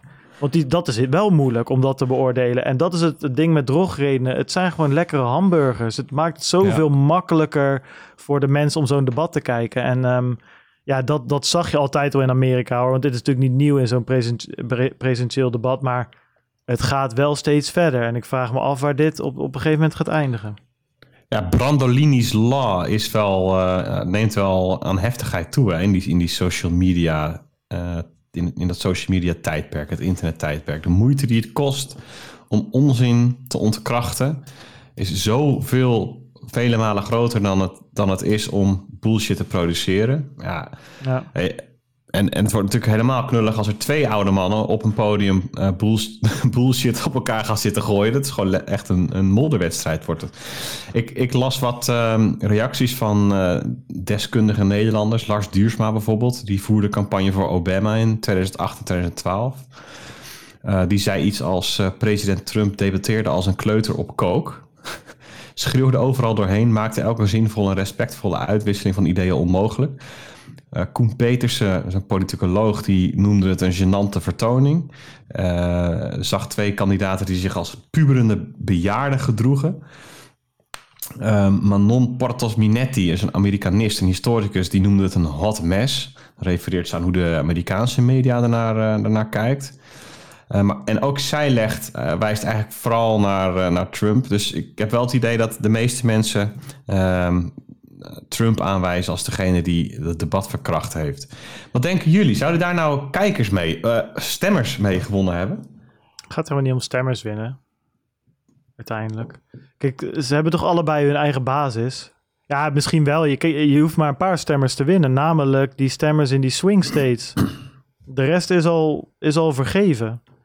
En die, ja, ik, ik, heb, ik, ik volg best wel veel verschillende figuren op, eh, op Twitter, ook Amerikaans. En zowel aan, aan, aan de linker als aan de rechterkant van het spectrum, als je het zo wil noemen. En ja, die hebben, als je, dat, als je die reacties leest, dan lijkt het net alsof ze een, een, andere, eh, een ander debat hebben gezien. Waar de ene een grove drogreden ziet, vindt de andere het een prachtige grap, een prachtige one-liner. Want begrijp me niet verkeerd, drogredenen zijn wel vaak de, de basis voor best wel leuke humor. Hè? Humor is een beetje op gebouwd om, om dat instinct wat je hebt aan te spreken. Dus iets kan een drogreden zijn en ik kan er alsnog heel hard om lachen, omdat het een hele leuke grap is. Dus dat, het maakt het zo lastig. En wat jij net zegt in de media, Peet, kijk, ik denk wel dat de dingen die ik dan lees en ook hoe daar in de media mee omgaat, nou, dat, dat, dat, dat, dat daar ook wel een lichte eh, eh, voorkeur naar Biden voor uitgaat. Ik bedoel, ik bedoel, ik ben niet zo van de fake news en dat soort dingen, maar dat, dat, dat, eh, dat, dat,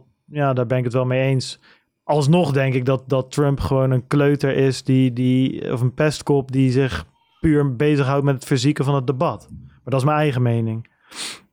Maar Ja, goed, Biden ja, die maakte zich daar ook wel schuldig aan. Ik vond het gewoon niet nuttig. Ik word er gewoon niks wijzer van eigenlijk. Nee, precies. Ik, ehm, ik zag dat eh, de pomp, eh, die reageerde iets als... ehm, pretty crazy that these are the two best people our country could, could come up Ja, with to, the- to be president. Ja, het is op zich wel gelijk in. Ik zag Pierre Rochard, die, die draaide het naar Bitcoin toe. Die zei, voting is a waste of time because you can't independently verify the results.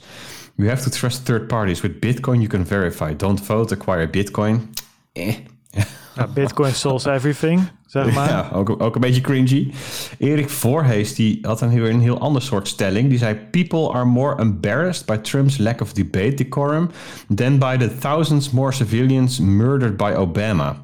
If you want to win over the public, your actions matter far less than your charisma. Speak eloquently, eloquently, weet ik niet hoe je het uitspreekt, and you can get away with murder. Die gooit het weer over een andere boeg. Ik weet niet precies wat voor bommetje dat was om. eh, Nou, ik weet wel wat voor al, bommetje het is. Dat zijn de bommetjes die eh, Obama in het Midden-Oosten heeft gegooid. Maar goed, dat zijn natuurlijk twee verschillende... Nee, maar let... Oké, dat, ja. Ja, ja. Kijk, dat, maar dat is wel. Dat, kijk, dat, dat, dat. Kijk, het ding is, dat zie ik. Op zich is dat niet per se. Zeg maar in de kern niet per se een heel sle- slecht punt. eh, losstaand van elkaar. Kijk, dat Obama natuurlijk een hele goede, begaafde spreker was. En heel veel charisma had. eh, maar ondertussen dat er onder zijn bewind vreselijke dingen zijn uitgesproken in het Midden-Oosten. staat buiten kijf. Of dat iets te maken heeft met Trump en dit debat, vraag ik me ten zeerste af. En dat wordt dan weer aan elkaar gesmeerd als een soort van, ja, Is dit dan een mooi voorbeeld van een drogreden? Ja, ik weet alleen niet welke. Dat zou ik eens op moeten zoeken. Ja, dan moet je eens kijken, joh. Dat is dus echt, je hebt heel veel soorten drogreden. Ja, Dus nou, kijk de video tussen. zou ik zeggen. Ik heb er een paar behandeld. Ik heb al zeven Hoe heet je views. kanaal? Bart Mol. hey jongens, laten we, we gaan het niet te politiek maken. Want ik heb nog een heel eh, verhaal ehm, verteld in, in, in de chats... dat wij geen off-topic groep zijn en hebben... omdat we ons niet met politiek bezighouden. Dus eh, dat gaan we ook verder niet al, te veel, eh, niet al te veel doen. Zullen we naar de Lely gaan? Of zit er nog wat anders tussen? Ehm, of plan B? Een van de twee. Eh, nee, take your pick. Ik ondertussen kijk even naar de previewplaatje. Ah ja, dat is wel leuk. Lekker veel drogreden. Ook kijken mensen. Eh, welke, gaan we, welke gaan we... Misschien plan B Eh, even. Plan B is gedoxt. Zegt hij zelf. Ja, ja, vertel. Wat is er gebeurd?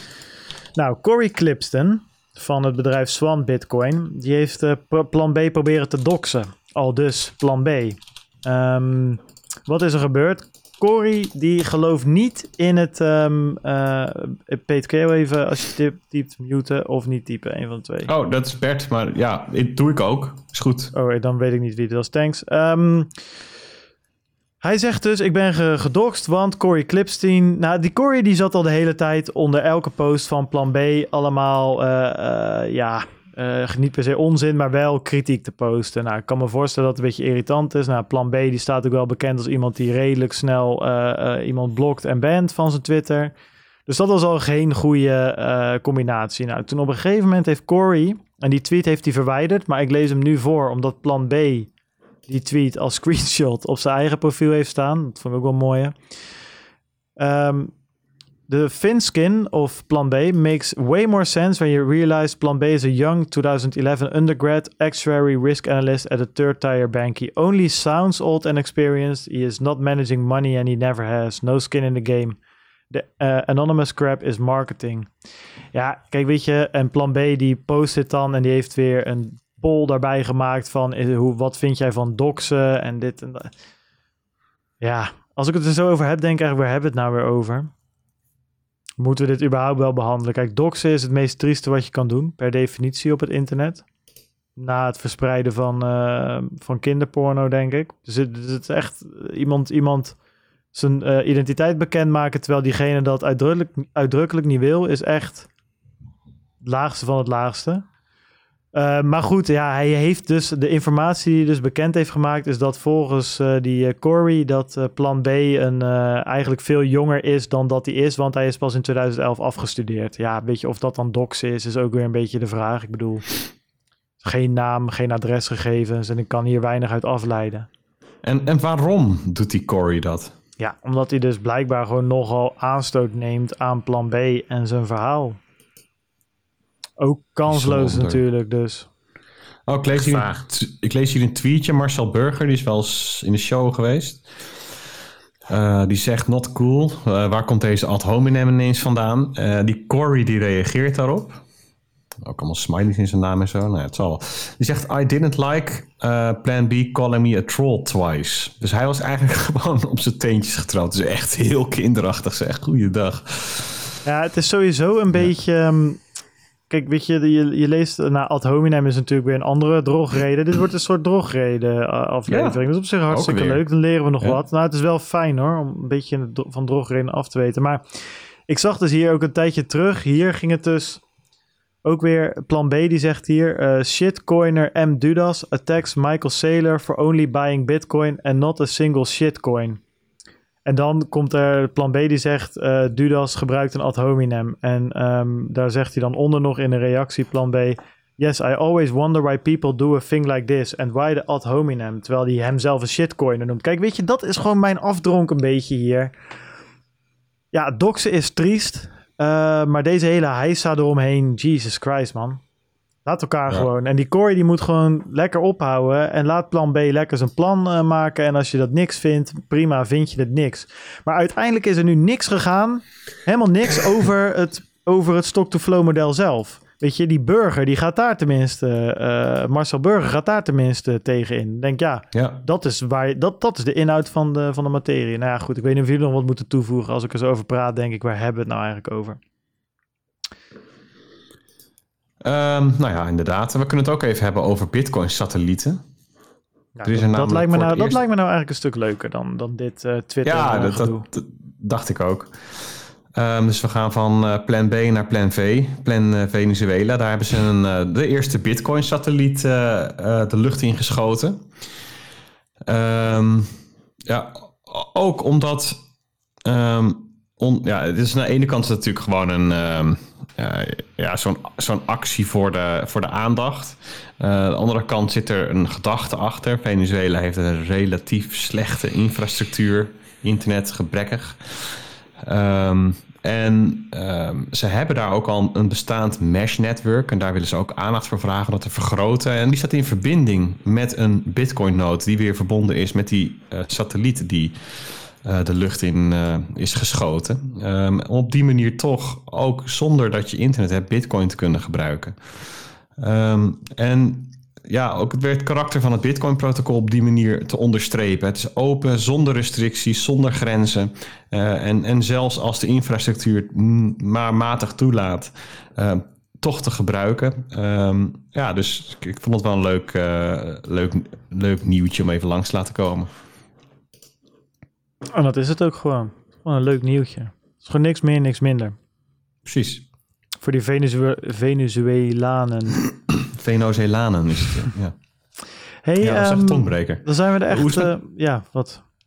Ja, nee, ik, ik dacht, uh, hoe, uh, zouden we nog terugkomen op de Lely? Ja, Young Lely. Die kwam weer met, ja. ja. die kwam weer met de klapper mijn Twitter-inbox binnen. Ja, die van mij is niet zo vol als die van jullie. Dus het is vaak, als ik een melding krijg, dan is het Simon die ons weer eens ergens getagd heeft en zegt: Jongens, wat ik nou weer gevonden heb, kan absoluut niet door de beugel. En dan ga ik altijd even kijken. En ehm, ja, het is eigenlijk altijd moeilijk. En soms heb ik er wat minder zin in. En soms vind ik het ook iets minder relevant, sommige dingen, als dat Simon ze vindt. Maar over het algemeen komt hij toch wel, eh, ja, filtert Simon wel de, de, de, de echt belangrijke dingetjes eruit voor ons. Want waar is hij nou weer mee eh, over de brug gekomen? Nou, door al die artikelen en dingen waar ik het al over had, eh, die eigenlijk niet zo boeiend waren, heb ik deze even doorgenomen. En dit vond ik wel boeiend, om heel eerlijk te zijn. Want de DNB die is dus met een extra eis voor cryptobedrijven gekomen. En dat staat ook op een website. En eh, dat is ook gewoon al geldig. Staat hier geldigheid geldig, staat er. Uh, sinds 23 september 2020. En ja, dit is dan weer een, een, een nieuw stukje wet, wat dan uh, onderdeel is van de sanctiewet. Dus dat is niet van die WWFT en WFT waar we het eerder over hadden. Maar dit zit dan volgens mij, ja, die sanctiewet zit meer in het checken van kwaadaardige transacties. Zit wat meer op die EML-achtige dingen. Volgens mij hoor, maar goed, Simon, als ik dat verkeerd zeg, moet je het maar zeggen. In ieder geval, de inhoud van de wet was mij wel duidelijk. Want um, wat moet er gebeuren? Bij crypto, dienstverleners, dus laten we zeggen onze, onze sponsoren, de brokers, die moeten dus als er een transactie geïnitieerd wordt door een van hun gebruikers naar een externe wallet. Dus stel, uh, ik zit bij Bitcoin Meester en ik wil mijn Bitcoin terugsturen naar mijn Ledger of naar mijn Trezor of naar mijn Cold Card. Dus hè, echt bij Bitcoin Meester weg terug naar mijn eigen wallet in mijn eigen beheer. Dan zegt deze wet dus uh, uh, dat dat bedrijf um, um, die moet effectief screenen dat de identiteit van de relatie uh, um, met een rechtspersoon of entiteit kan worden gelinkt. Dus dat uh, uh, als ik zeg dat ik Bart Mol ben, dat er daadwerkelijk dat zij kunnen nagaan dat er een Bart Mol in Nederland woont of dat er Mauwolf Media ingeschreven staat bij de KVK, om het zo maar te zeggen. Nou, dat is allemaal niet zo heel moeilijk. Hè? Dat, dat, dat is KYC zoals we het al kennen. Dat hebben die bedrijven allemaal moeten implementeren. En dat hebben ze ook allemaal al wel redelijk goed gedaan. Het tweede wat moet uh, gedaan worden. En um, dat is dus wel in interessant dat er gezegd wordt. Um, dit betekent dat de aanbieder vaststelt dat deze persoon ook daadwerkelijk de ontvanger of verzender is. Dus dat betekent dat als ik mijn Bitcoin bij Bitcoin Meester weghaal en ik geef mijn Bitcoin wallet aan, dat ik ook moet laten zien dat ik die Bitcoin wallet heb. Hè? Dat ik die private keys van die Bitcoin wallet beheer. En dat ik niet zeg dat ik Bart Mol ben, dat ben ik ook, maar stiekem de wallet van Bert of Peter opgeef. Hè, dus en dat noemen ze een, uh, in het criminele circuit een geldezel. Dus dat je iemand anders een KYC, de bankrekening in dat geval, gebruikt om geld door te sluizen. Dat een crimineel uh, jou, jou, jou betaalt en dan mag je er wat van houden en dan moet je de rest pinnen en op de straathoek doorgeven aan de echte crimineel, die dus eigenlijk jou dus gebruikt als nou, hè, een money mule, geldezel. Ja, dat, dat, dat, dat kleine zinnetje, dat betekent nog wel wat. Uh, want je moet dus nu als cryptopartij niet alleen vaststellen dat ik Bart Mol ben, maar ook dat de wallet die ik aangeef van Bart Mol is of van mijn bedrijf is. Um, de DNB heeft daar eventjes, nou, als ik zo kijk naar de dingen die ze zeggen, een korte brainstorm met wat gedaan en een paar kleine adviezen uh, gegeven. Wat ze zeggen, uh, je kan, um, ze, ik zal letterlijk voorlezen. DNB is onder andere de volgende voorbeelden tegengekomen om dit te doen. Het zelf verstrekken van het cryptoadres aan de uh, cliënt, al dan niet custodian. Ja, nou, laat het al dan niet maar weg, dat is gewoon custodian. Uh, door schermdelen of videobellen uh, op het moment van inloggen. Nou ja, dat, dat is iets, ik weet niet hoe dat ook maar door die brainstorm heen is gekomen. Maar goed, daar komen we zo nog wel okay, op terug. Ja. En dan de laatste door het signen van een transactie of op verzoek een kleine hoeveelheid crypto's terug te sturen naar de aanbieder. Nou, als ik naar deze opties kijk, het eerste, uh, uh, de eerste optie, een custodial wallet, ja, dat, dat is leuk. Dat gebeurt nu al. Hè? Blocks doet dat bijvoorbeeld. Maar dat betekent dus wel dat er geen optie is om ooit een keer jouw bitcoins uit die custodial wallet te halen naar jezelf te sturen. Hè? Want dan ja, zouden of, da ze... of dan krijg je optie 2 of 3. Ja, ja, precies, dan, inderdaad. Dan stel je het uit, zeg maar. Ja. Maar je zou inderdaad, je zou kunnen zeggen, en daar, dat heeft Blocks niet hier, per se hierom, maar die hebben uh, voor het gebruiksgemak wel voor zo'n custodial solution gekozen. En die komen hier redelijk makkelijk weg, want die kunnen natuurlijk heel makkelijk aantonen welke wallet bij welke gebruiker hoort.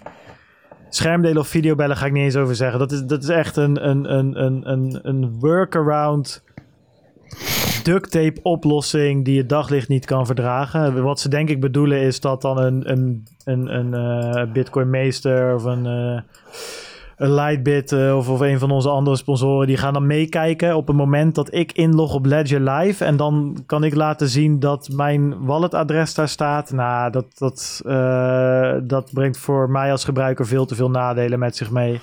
Um, uh, het zien van mijn pincode, het zien van mijn private keys, noem het maar op. Dat, dat, dat dit slaat nergens op. Dan heb je punt 3. En dat is het signen van een transactie op verzoek, uh, of op verzoek een kleine hoeveelheid crypto sturen naar de aanbieder. Dat is een beetje wat je ziet als je bij PayPal je, je rekening ja. verifieert. Dat is niet anders. Um, en, en, en het ding is, dat zie je al gebeuren. Hè? Bitcoin Suisse, uh, om een voorbeeld te geven. Dat is een, een provider die, die ja, KYC-diensten aanbiedt en dergelijke. En inmiddels ook wallets en noem het maar op. Die gebruiken precies dit. Dus die zeggen van, joh, je moet binnen een kwartier... 0,000000 van in ieder geval een paar satoshis, hè, 82 of 33 versturen van het wallet-adres dat jij hebt aangegeven. En dan ben je gewitelist. En dat hoef je maar één keer te doen. Dus op zich is dat nog best een mooie oplossing. Nog mooier zou het zijn, overigens, als je in plaats van een transactie een, uh, een, een bericht kan uh, signen met jouw private keys. Dan hoef je dat namelijk niet te broadcasten op het Bitcoin-netwerk. Dus dat zou nog goedkoper en sneller zijn. En maar Bart, ik snap het niet. Je moet me even helpen. Ja. Hoe helpt dit tegen het, het geldezel-probleem? Want als dat het probleem is, dan kan je toch als geldezel gewoon met je contactpersoon even doorgeven dat hij deze transactie moet signen of dit bedrag moet overmaken. En dan gebeurt dat even ter plekke. Ja, nee, eens. Het wordt alleen uh, uh, lastiger om zomaar een, een Bitcoin wallet adres op te geven. Zeg maar normaal, maar ik ben, ik ben met je eens, Bert. Ik, ik zie uh, ook niet echt wat dit extra, extra toevoegt. En, en... Ik, ik, ik, ik vind het nog wel eigenlijk best wel een mooie feature. In zoverre dat je daarmee voorkomt dat je het ongeluk naar een adres stuurt wat niet jouw is. Ja, zeker. Dus het is, wat dat betreft is het ook niet zo gek. Ik bedoel, stel dat jij, uh, doe eens even gek, dat jij voor, voor 250 miljoen dollar aan bitcoin koopt en je wil dat naar je wallet sturen, dan wil je wel vrij zeker weten dat het de goede is. Dus er hebben ook heel veel mensen zeggen, je moet eerst altijd een heel klein beetje bitcoin sturen, dan check je of het werkt, weet je wel dit is eigenlijk een vorm daarvan. Dus op zichzelf. Maar ik, of dit nou het geldezelvraagstuk oplost. Ik denk dat die brainstorm uit DNB dat ze dat, dat ze nog even uh, verder moeten brainstormen. Ja, nou ja, het is natuurlijk gewoon het verder trekken van die sanctiewet die er al was naar crypto. Uh, en, en dit is ook iets wat, uh, het is niet voor niks dat een PayPal dat doet. Ja, waarom doen ze dat? Waarom moeten ze checken dat de rekening die jij wil koppelen, dat die daadwerkelijk van jou is? Wat, wat heeft dat voor zin? Ja, dat weet ik ook niet. Maar in ieder geval, misschien dat je de geldstromen beter kan tracken. En dat is natuurlijk wel zo dat je op een gegeven moment weet dat een wallet echt bij iemand in beheer is. Of dat hij ooit een keer toegang heeft tot de private keys. En vanaf daar jouw chain analysis beter kan doen. Ja, ik weet niet precies wat ze hier verder mee willen. Maar hoe zit het dan met, uh, stel, stel jij wil vanaf de broker naar mij toesturen. Is dat dan, ja, dat gaat dan niet. Aan? Dat gaat dan niet. Je mag dus alleen maar naar je eigen wallet sturen. Precies, dus, dus het idee is dat je alleen maar kan, kan storten en opnemen. Een klein beetje ja, uh, synchroon aan hoe bank, een bankrekening werkt. En, en als, je, als je het cash hebt, om zo even te zeggen, kan je het aan een ander geven. Ja. Kijk, ik denk wel dat ik heb er een beetje over na zitten denken. Kijk, ik denk eigenlijk hè, dat er werd best, was best wat heisa een beetje over die technische implementatie. Dat gaat echt niet zo moeilijk worden. Want dat, dat heb ik al een paar keer gezien, een paar keer zelf gebruik van gemaakt. Ja, het is een extra stap in het proces, maar er zijn complete uh, bedrijven, complete, die, die, dit aanbieden, gewoon als onderdeel uh, van, van, van, van hun service. het, het, ja, dit, ja, dit is niet zo, het is niet zo lastig verder. Het is meer dat je, dat je weer denkt van ja, maar wat heeft dit nou voor zin? En dat is dat Bert, ja. dus Bert zijn vraag triggert me een beetje. Daar, daar zit hem het eigenlijk veel, veel meer op. Niet zozeer die technische implementatie. Dat gaat echt wel lukken voor die Bitcoin bedrijven. Tuurlijk, het is vervelend. Tuurlijk, het is. Weet je, je hebt net je compliance officer zitten en dan moet je weer wat gaan doen. Maar dit, dat, dat, dat gaat verder wel lukken. Alleen de vraag is, van wat hebben je nou aan? Waar, wat, wat uh, is het doel van de sanctiewet? Zeg maar, waartegen beschermt dit? Ja, gokje, terrorisme. ja, nou ja, daar hebben we namelijk andere wetten voor. Nou, wacht even, um, even kijken. Maar uh, als, als we dat weten, dan, dan weten we ook iets meer over. Uh, nou ja, hier, wat is sanctiewetgeving? Sancties zijn maatregelen naar aanleiding van de schending of bedreiging van de internationale vrede en veiligheid. Ze dragen bijvoorbeeld bij aan het bestrijden van terrorisme. Nou, ding, ding, ding, okay. ding. 10 punten okay, voor uh, dus Gryffindor. van Maalwolf. Ja, netjes. Oké, okay, nee, ja. Um, interessant. Ik, ja, dit is, dus inderdaad, het gaat dan buiten. We hadden vorige week ook even over al die meldingen die gedaan worden hè, van verdachte transacties. Ja, dat was de vat, uh, nee, dat was de um, Vin, Vincent, Vincent. En Vincent uh, files hebben we het over gehad. Uh, en, en de meeste van die meldingen, daar wordt dus niks mee gedaan. Het zijn er veel te veel. Nou, dit is dus een andere stroom van, een andere manier om, om, om iets te voorkomen. En wat, ik weet het niet. Ik denk gewoon eigenlijk dat het puur bedoeld is om de drempel te verhogen zodat misschien een, een uh, de kans kleiner is dat dit gebruikt wordt omdat het moeilijk is of omdat het vervelend is. Maar ja, wat, wat het in de praktijk nou echt. Uh, wat, ik, wat ik overigens wel um, technisch heel vervelend vind aan deze optie. En dat is dan puur even Bitcoin. Uh, omdat Bitcoin nou, nou op die manier werkt. En die andere, of Ethereum, veel minder is dat je dus heel erg... Kijk, Bitcoin, het mooie is dat je daar met je Xpub elke keer een nieuw adres kan genereren. En op deze manier whitelist je dus één adres en word je eigenlijk gedwongen om telkens met hetzelfde adres te werken. En ik vond het nou juist mooi dat uh, Bitter heeft het op een gegeven moment gedaan. Maar je ziet juist dat een beetje de stroming, uh, dat, dat de innovatieve Bitcoin bedrijven juist heel erg pushen uh, op, op het gebruiken van een Xpub. En dus niet telkens hetzelfde adres hergebruiken. En hier dus word je wel een beetje dus- gedwongen om dat te doen, want je whitelist één adres en niet je Xpub. Ja, Zou ik trouwens ook niet willen. Ik ze hebben dus nog geen, geen goede oplossing gevonden nog. Ik bedoel, de meeste wallets die werken tegenwoordig gelukkig ook gewoon met een, uh, met een, met een uh, change uh, adres. En weet je, na het gebruiken van ga je dus een andere gebruiken. Ja. Een, een nieuw adres. Dus ja, ik, ik denk dat ze nog even moeten doorbrainstormen. Ja, goede poging, DNB. Maar Bij brainstorm even door. Maar goed, voor mij valt er weinig te brainstormen, want dit is dus gewoon uh, geldig. Good luck ermee, zeggen ze maar weer. Voordat ze het uh, bij de Bitcoin bedrijven als, als een natte, vieze theedoek naar binnen smijten. Dus dit is nog niet iets wat gaat over um, de travel rule, hè? Dus ik ben nee, maar ja, dat zit dan ook niets... Ja, op het moment dat jij natuurlijk... Um, uh, de, de, de, zo'n zo'n wallet, of de, de, de identiteit van de beheerder van de private keys van een wallet hebt vastgesteld, dan wordt die travel rule ook makkelijker om uh, uit te voeren. Zolang je alleen maar met die whitelisted wallets werkt, want dan, ja, dan hoef je het alleen nog maar mee te sturen. Maar goed, dat gaat natuurlijk ook nog een ding worden. Ja, ja daar ben ik op zichzelf wel heel benieuwd naar, van wat voor uh, technologie, wat voor platform daarvoor gebruikt gaat worden. Uh, op welke manier we Swift gaan nabouwen. Oh, ik heb gehoord XRP, oh, ja. Xrapid, maar dat kan een oh, ja. uh, gerucht oh, zijn hoor, ja, dat... in de wandelgangen. is dat nieuw? ja. dat is nieuw. Tijd voor een marktupdate, denk ik. Ja, Bert, is, er is niet heel veel. We gingen wel vandaag weer eventjes kleine stapjes naar die 11k. Maar um, wordt het weer een weekje Ga, laten we zo zeggen. Gaan we die streak boven de 10k volhouden als we volgende week elkaar weer spreken, Bert? Ja, dat is natuurlijk altijd de vraag. Ehm, ja, je hebt gelijk. Er is niet zo. Het is allemaal niet zo heel spannend. Um, eigenlijk überhaupt weinig spannends in de financiële markten op het moment. Ik zag wel dat je van de week eventjes de Tweede Kamer hebt uh, geïntroduceerd met onze welgeliefde logaritmische schaal, uh, die we natuurlijk in, in, in, de cryptocurrencies maar al te goed kennen. Eh, Bitcoin is toen niet anders. Precies, als wij ergens een geodriekje op willen leggen, dan is het wel een losschaaltje. Dat is het beste van beide wereldjes. Zo is het. Maar even kijken, jij vraagt volgende week. Hè? Nou, ja, het, ik zie bij Bitcoin nu een patroon wat ook nog wel weer zo tot 15, 20 oktober kan bestaan. Dus ik zou niet zeggen dat per se volgende week de, het er heel anders uit moet zien. En het lijkt er inderdaad wel op dat hij boven de 10k gaat blijven. Dus die, die, misschien, misschien is dit wel het echte moment dat we echt niet meer onder de 10k ever meer gaan komen. Ja, dat is al zo vaak gezegd. Hè. um, Maar um, nee, kijk, het is nu, vorige week was die 10.600 en nu 10.800. Dan, dan weet je wel een beetje hoe laat het is.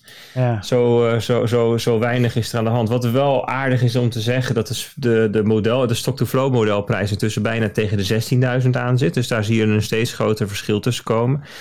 Uh, dus even terug naar die theorie van stock-to-flow. Dat was die, die, uh, die die man met die hond of dat elastiek tussen die twee prijzen, weet je wel. En hoe verder ze uit elkaar zitten, zijn, hoe harder het elastiek trekt. Um, dus dat zou betekenen dat als dit lang genoeg hier blijft, dat je op een gegeven moment ook vrij hard omhoog moet gaan. Dat je opeens een, uh, een bulldog uh, voorbij ziet vliegen met een noodgang. Ja, zijn de bitcoin. Als je, bij bitcoin echt ver uitzoomt, dan heb je natuurlijk wel maanden. Dus laat bijvoorbeeld eens even eens even kijken hoor. Um, laten we eens even kijken. Mei 2017. Nou ja, dan zie je er gewoon even april, mei. Nou, in anderhalve maand tijd van 1100 naar 2800. Dus bijna drie keer zo hoog. En dan denk je, oké, maar goed, dat is leuk. En dan pakken we even ietsjes eerder. Nemen we even september 2015 van 220 naar um, ehm, 500 keer 2 in, nou ja, ook in een ruime maand. En dan denk je, ja, dat zijn lagere getallen, 200 naar 500, maar ja, 20.000 naar 50.000 is dezelfde groei.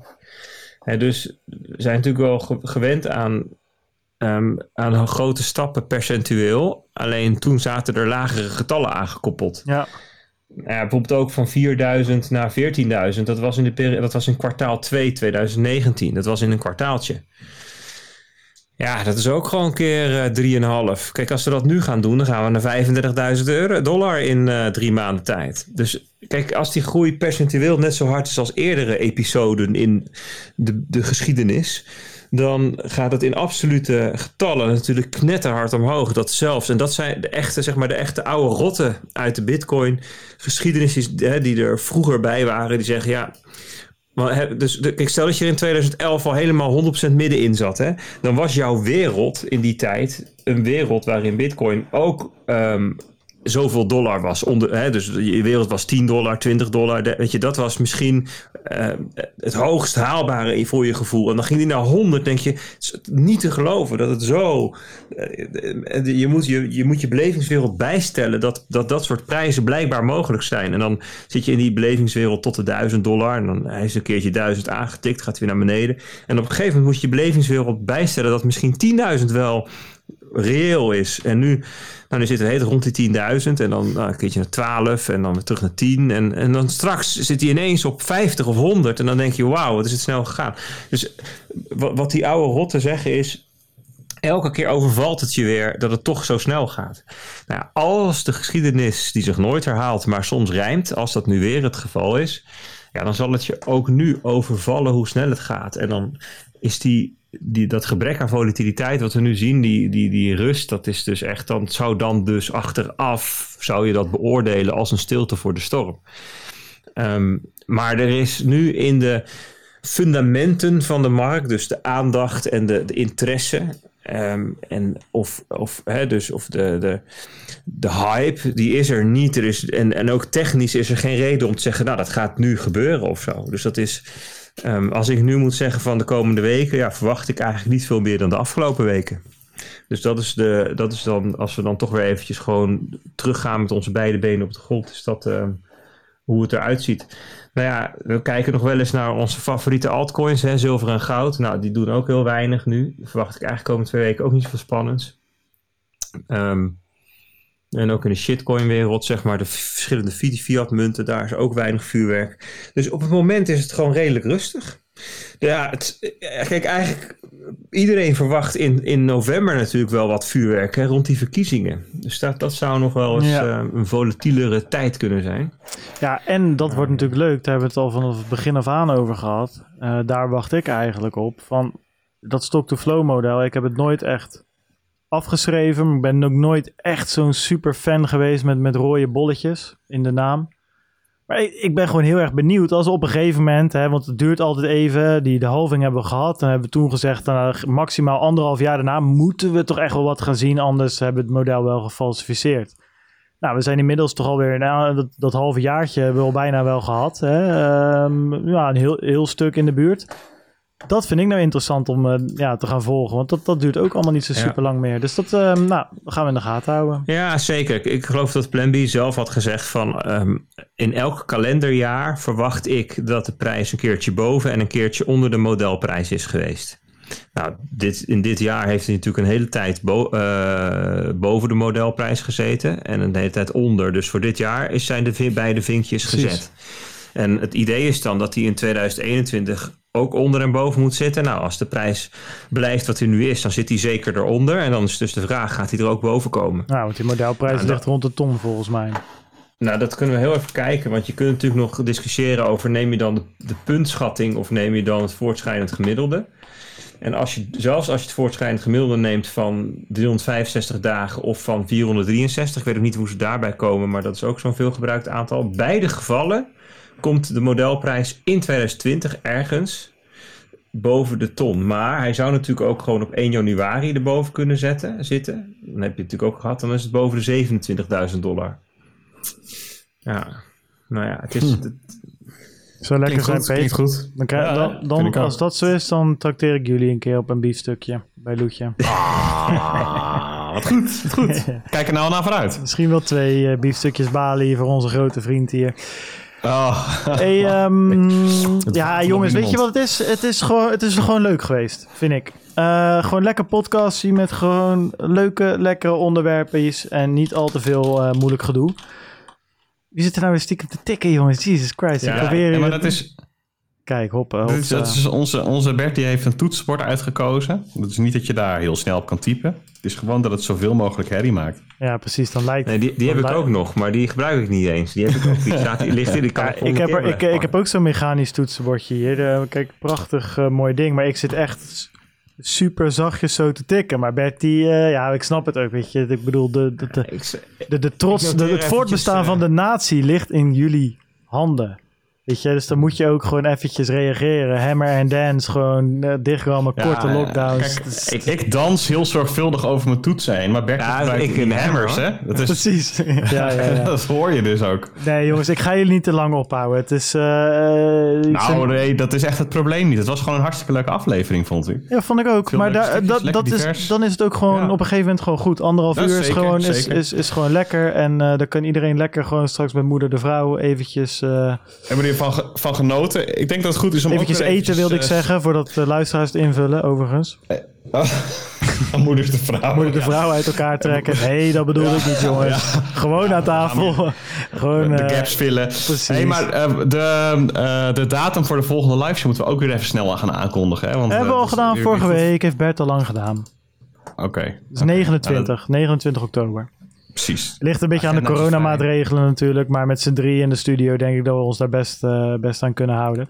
Hey, ja, we zijn ehm, toch ook een soort drie-eenheid, hè? Ja, joh. Ik, ik, ik werd laatst al bijna toegelaten tot, tot de familie Slachter. Dus wat dat betreft eh, eh, moet het echt wel goed. Dan kunnen we gewoon als één, één gezin een soort van... ik heb nog één vrijgezelle broer over, dus... Drie mochten ook. oh. Nou jongens, eh, thanks. Nee, serieus. eh, weet je, ik waardeer het dat jullie in, eh, in tussen alle drukte door eventjes tijd kunnen maken om, om aan te haken. Het was weer leuk, was weer gezellig. Iedereen ook bedankt voor het luisteren. Dat zeker. Bedankt voor alle donaties, alle steun, alle leuke reacties op de live show. Vind je dit podcast leuk? Join onze Telegram groep. Al kan dat niet meer om verschillende redenen. Maar goed, als je er echt bij wil, stuur mij, Peter of Bert maar een, een berichtje. Volg ons op Twitter. Links staan op www.stosieradio.nl. Daar kan je ons op verschillende manieren steunen. Eigenlijk maar eentje. En dat is ons bitcoin sturen. Met een leuk eh, donatietje. Of wat is het? Een berichtje erbij. Check ook onze, ehm, wat is het, YouTube-pagina. Ja, whatever. Kijk maar wat je doet. Maakt maar eigenlijk helemaal niet uit. Het is goed zoals het is. We hebben gewoon de beste community van heel Nederland en omstreken. Dus bedankt voor het luisteren. En eh, we zien jullie volgende week weer, jongens. Adios.